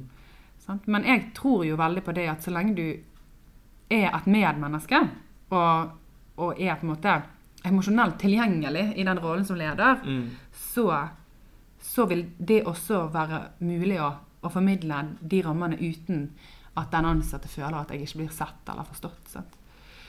For det er, så det der er jo litt sånn å ha riktige folk i riktige posisjoner, da, som er veldig sentralt. Det, ledelse er, eh, det er en veldig avansert eh, rolle og, og en ferdighet da, som Mm. skal eh, ivaretas på en god måte. Absolutt. Ja, jeg tenker jo at eh, man må på en måte ikke forvente altfor mye, men samtidig så skal man, skal man ha noen forventninger. Eh, Mm. og det kan jo være vanskelig no, for noen å, å, å gå og fortelle Jeg har jo selv kjent på det selv at eh, på et arbeidssted jeg jobbet på, at det var rett og slett eh, vanskelig å åpne seg opp. da, Og du Mm. visste ikke, egentlig ikke hvem du skulle gå til. Mm. Og så var det liksom Det var press på jobb, det var press på skole, det var, det var dødsfall, og det var sykdom, og det var eh, problemer med kjærlighetsliv og alt det der. Og det ble liksom alt på én gang, og så samtidig så så, så, så, var det så mye stress med jobb, fordi at eh, da hadde jeg et vikariat, og, og, og nå skulle det lyse utstilling. Jeg holdt på å gå rett i bakgrunnen, og jeg visste ikke hvor, hvor jeg skulle gå. Og det var liksom Ja, jeg er jo glad jeg snakker til en psykolog nå, da. Men, men det var liksom Det var vanskelig å, å, å gå til noen, da. Ja. Og jeg følte kanskje ikke at,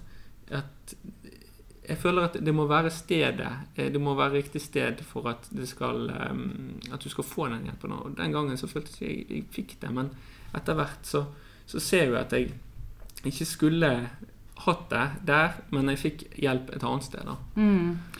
Ja, og det som du sier der er jo at det, vi skal jo, for Ofte så blir det jo sånn sant, at det er flere ting som rammer samtidig, og da trenger man gjerne noe mer enn en kun å på en måte gå tur eller uh, ta, ta en kaffe med en kompis. altså Da trenger man faktisk hjelp til å sortere tankene og finne fotfeste igjen.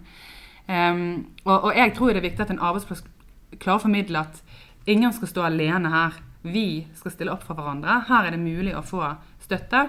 Her er det mulig å få eh, en, en sparringspartner. Her tar vi det på alvor, Mm. og så skal vi sammen finne en løsning. Mm. Og Noen ganger er den løsningen å tilpasse arbeidsoppgavene litt og ha noen samtaler innimellom med lederen og en kollegastøtte, og så er det nok, mens andre ganger så er det behov for noe mer sånn profesjonalisert opplegg. da. Ja. Eh, men det som jeg tenker, det er litt sånn tosidig dette her, da. for det, noen er jo redd for å si så mye, fordi de er redd for at de skal bli avvist, at det skal bli bagatellisert, at de skal bli latterliggjort, at de liksom ikke skal bli møtt på en god måte. Derfor vegrer de seg. Og jeg var nylig inne i en gruppe der det var en som sa det at jeg tør ikke si noe om dette til lederen min, for dette, nei, nei, nei, jeg er redd for å liksom ikke dumme meg ut, eller sant. Hadde en del tanker rundt det. Og så sier han andre Å ja, vet du hva, jeg har faktisk nylig sagt sånn og sånn og sånn selv til lederen. De hadde samme leder. Og det var bare så fantastisk. Han hadde hatt en så god opplevelse. Og det var jo så viktig å dele, sant? for da skjønte jo han som vegret seg litt, at her er det jo en leder som virkelig er i stand til å ta imot. Så da handlet jo hans usikkerhet ikke om lederen, men om han selv. Ja. Han hadde en vegring mot å, å dele, men lederen hadde jo ingen vegring mot å ta imot. Mm.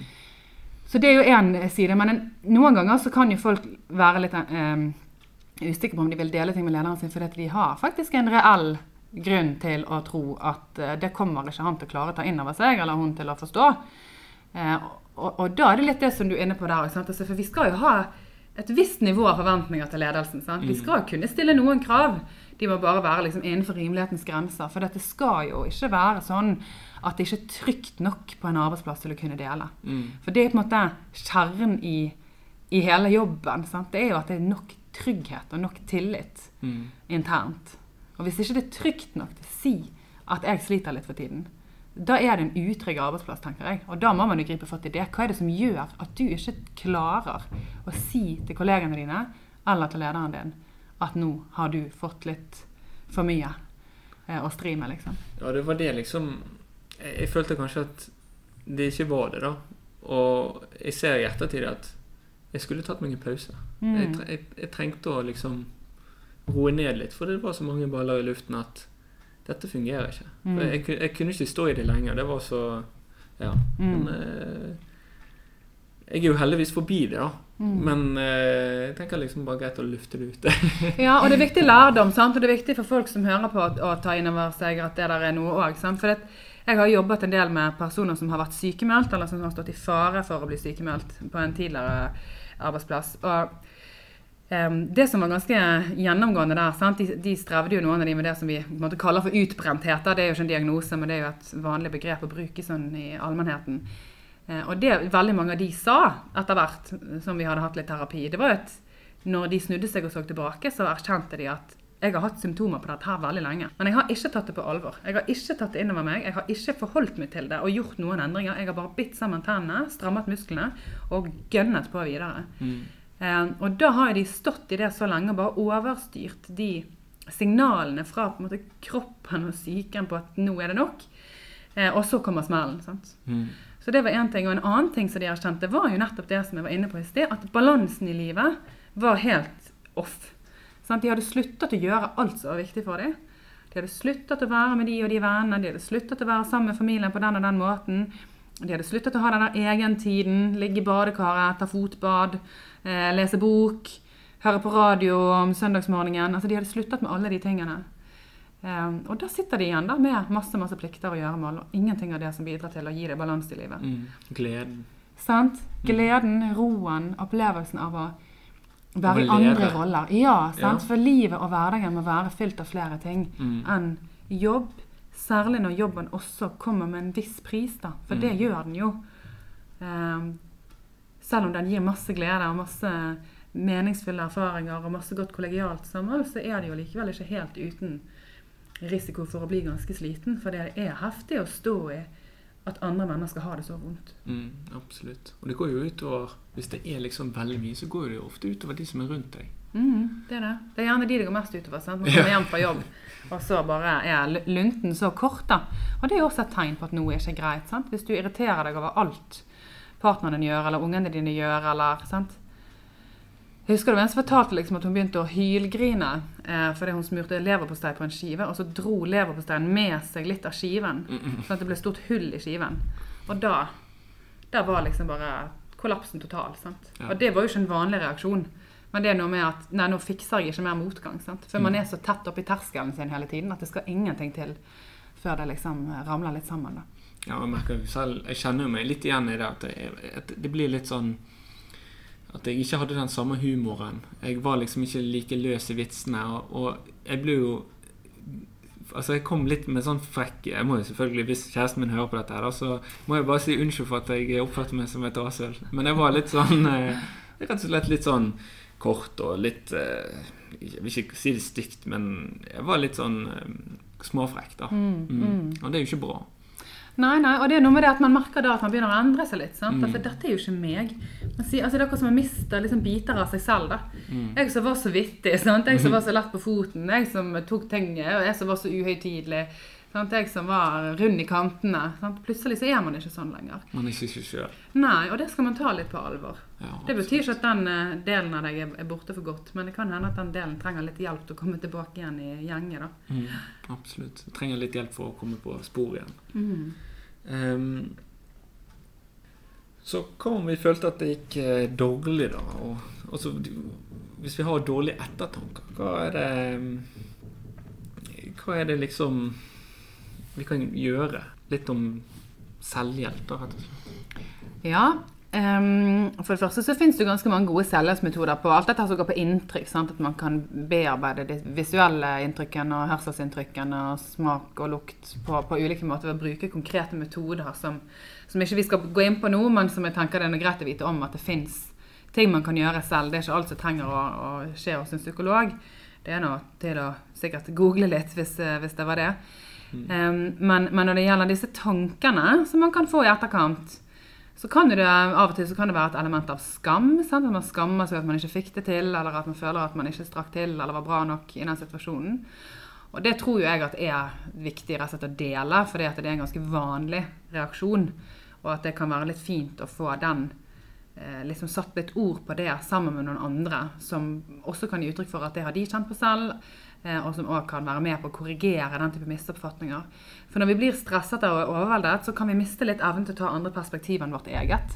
Så vi låser oss litt sånn inn i um, et, en, et sånt tankespor da, som man ikke helt kommer seg ut av. Uh, og bare fordi du føler at det var din feil, så betyr ikke at det er din feil. Men det er liksom et perspektiv som glipper litt når man er inni denne her, eh, dette negative sporet av tanker. Da. Så det kan være ganske viktig å, å liksom adressere med andre og få det korrigert litt, den type misoppfatninger. Så, så et sånn generelt råd vil jo være selvfølgelig å dele dette her med andre. Og snakke med noen. Ja, jeg tenker det, altså. Um, men så er det dette her med skyld. For det er jo, som jeg sa, det er mange som kan kjenne på det. Og da bør man gjerne tenke litt sånn rasjonelt rundt hva det, kunne gjort noe annerledes. Hvorfor handlet jeg sånn som jeg gjorde, basert på de opplysningene jeg hadde der og da? Kan det hende at jeg nå dømmer meg selv den gangen på bakgrunn av at jeg vet mer nå? Jeg har fått mer informasjon om situasjonen. Derfor ser jeg nå at jeg kunne handlet annerledes. Men var det, er det rimelig å mene at det skulle jeg gjort i den situasjonen? Hvis det var en venn, en jeg bryr meg om, som hadde gitt uttrykk for skyld basert på de handlingene som jeg gjorde, hva hadde jeg sagt da? Hadde jeg ment da at ja, du bør kjenne på det, det du gjorde feil? Eller hadde jeg da ment at ja, men vet du hva, du kunne faktisk ikke gjort noe annerledes? Så noen har jo nytte av å skrive litt for å liksom sortere det litt på den måten. Og for av og til så bare tenker vi og føler ting. Mens når vi konkretiserer det gjennom hele setningen, enten fordi vi sier det høyt eller vi skriver det ned, så er det akkurat som man oppdager urimeligheten ved det selv. Og det har jeg erfart med noen som jeg har snakket med. sant? At de sitter og forteller meg ting, og så er det sånn de, tar, de stopper seg selv underveis. bare, Nei, det, det er jo bare ikke riktig. Altså, De, de, de gjør sine erkjennelser helt, helt, uten bidrag fra meg. Så de hører når de sier det, at nei, vet du hva, dette her Nå er jeg, nå er jeg sånn at jeg styrer etter følelsen min. For det at det var så vondt, det som skjedde. Det er så trist, det som har skjedd. Og så føler jeg meg så dårlig pga. det som har skjedd, at jeg nå retter liksom skytset inn mot meg. Men jeg, jeg, ser at jeg nå føler at jeg har skyld, men det har jeg faktisk ikke. Men som jeg sa i sted òg, noen ganger så kan det jo hende at man skulle gjort noe annerledes. Og det, det skal man jo. Det må man leve med. da. At eh, ja, vet du hva, jeg gjorde en feil. Jeg mm. burde gjort noe annet. Eh, jeg er et menneske, og mennesker gjør feil. Eh, og det er uansett ikke Det er jo ikke sunt for noen, verken enkeltpersoner eller bedrifter, å individualisere ansvaret når det kommer til den type hendelser. Det må ligge på systemet rundt. Det må ligge på liksom, strukturene, på organisasjonen. Det er vi som har gjort en feil, ikke du eller du. Det er liksom Dette skulle vært håndtert på en annen måte. Eh, og så er det på en måte den personen da, som har stått i frontlinjen og dermed har større risiko for å kjenne på skyld. Mm. Men det er like fullt urimelig at det skal være sånn. Men, men samtidig så er det noe med å ha et litt sånn forsonende forhold til seg selv. Da, litt sånn tilgivende. Altså det å tilgi seg selv for at det ikke ble helt sånn som det var ønsket at det skulle bli. da. Og det er òg noe vi må ha overfor kollegaer. sant? For noen ganger kan vi jo bli veldig sånn klandrende, som sagt. Sant? At vi skal legge skylden på andre for det som har hendt. Og kanskje det faktisk er litt reelt at ja, den personen, den personen burde gjort noe annerledes. Men kan man da ha en forsonende prosess også overfor den? Sant? Med en litt tilgivende holdning på at OK, tross alt et menneske som gjorde så godt han eller hun kunne, men men, men fikk det ikke helt til. Og det er jo òg en del av dette her. Det er jo det som ligger i en sånn type jobb som dette. Det er et kjempestort ansvar og kjempestor risiko. Mm. Eh, og det er dessverre sånn at det blir ikke alltid 100 riktig. Ja, absolutt. Og jeg tenker, sånn som du sier, altså, vi, må ikke, vi, må ikke, klandre andre. Eh, altså våre kolleger.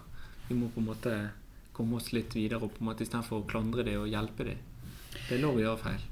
Ja, absolutt. Og så er det selvfølgelig noen ganger så er det jo sånn at en krise kan vekke til live en del konflikter som har ligget der og ulmet, men som ikke har blitt grepet fatt i. Mm -hmm. Så det, det, skjer jo det av og til, sant? at noen føler at de eh, Altså, her har det vært noe som har blitt snakket om lenge, eller noe man har varslet om en risiko lenge, eller man har sagt noe om en problemstilling over tid, og så har det ikke blitt tatt på alvor eller det har ikke blitt eh, endret, eller at det har hele tiden blitt utsatt. Andre ting som har vært viktigere. Og det skaper selvfølgelig veldig mye frustrasjon. Og det er jo ikke sånn at, at man ikke skal gi uttrykk for det. For man, vi, vi, kan jo ikke gi folk munnkurv, for da vil jo det bare eskalere enda mer. sant? Men man må finne konstruktive kanaler der folk kan gi uttrykk for dette på en måte som gjør at man kan skape en endring eh, på en konstruktiv måte. Og det er jo klart, det fins jo sånn altså det, det, er jo en, en, en del av bildet, det òg. Noen ledere har jo sviktet i sitt ansvar. Noen kollegaer har gjort det. Noen eh, arbeidsplasser har ikke tatt sikkerheten nok på alvor. Sant? Så det er jo også en, en del av bildet, men, men, det må håndteres innenfor en slags sånn granskningstenkning. da. Mm. Disse kommisjonene som settes ned, som skal skrive rapportene sine og finne ut hva som har gått galt, hva som burde vært annerledes, hva er læringspunktene her. Det er der det må ligge det skal ikke ligge på en måte mellom kollegene. Eh, det er egne folk som skal finne ut hvem som har skyld, eh, mm. hvor feilen ligger, hvor svikten ligger.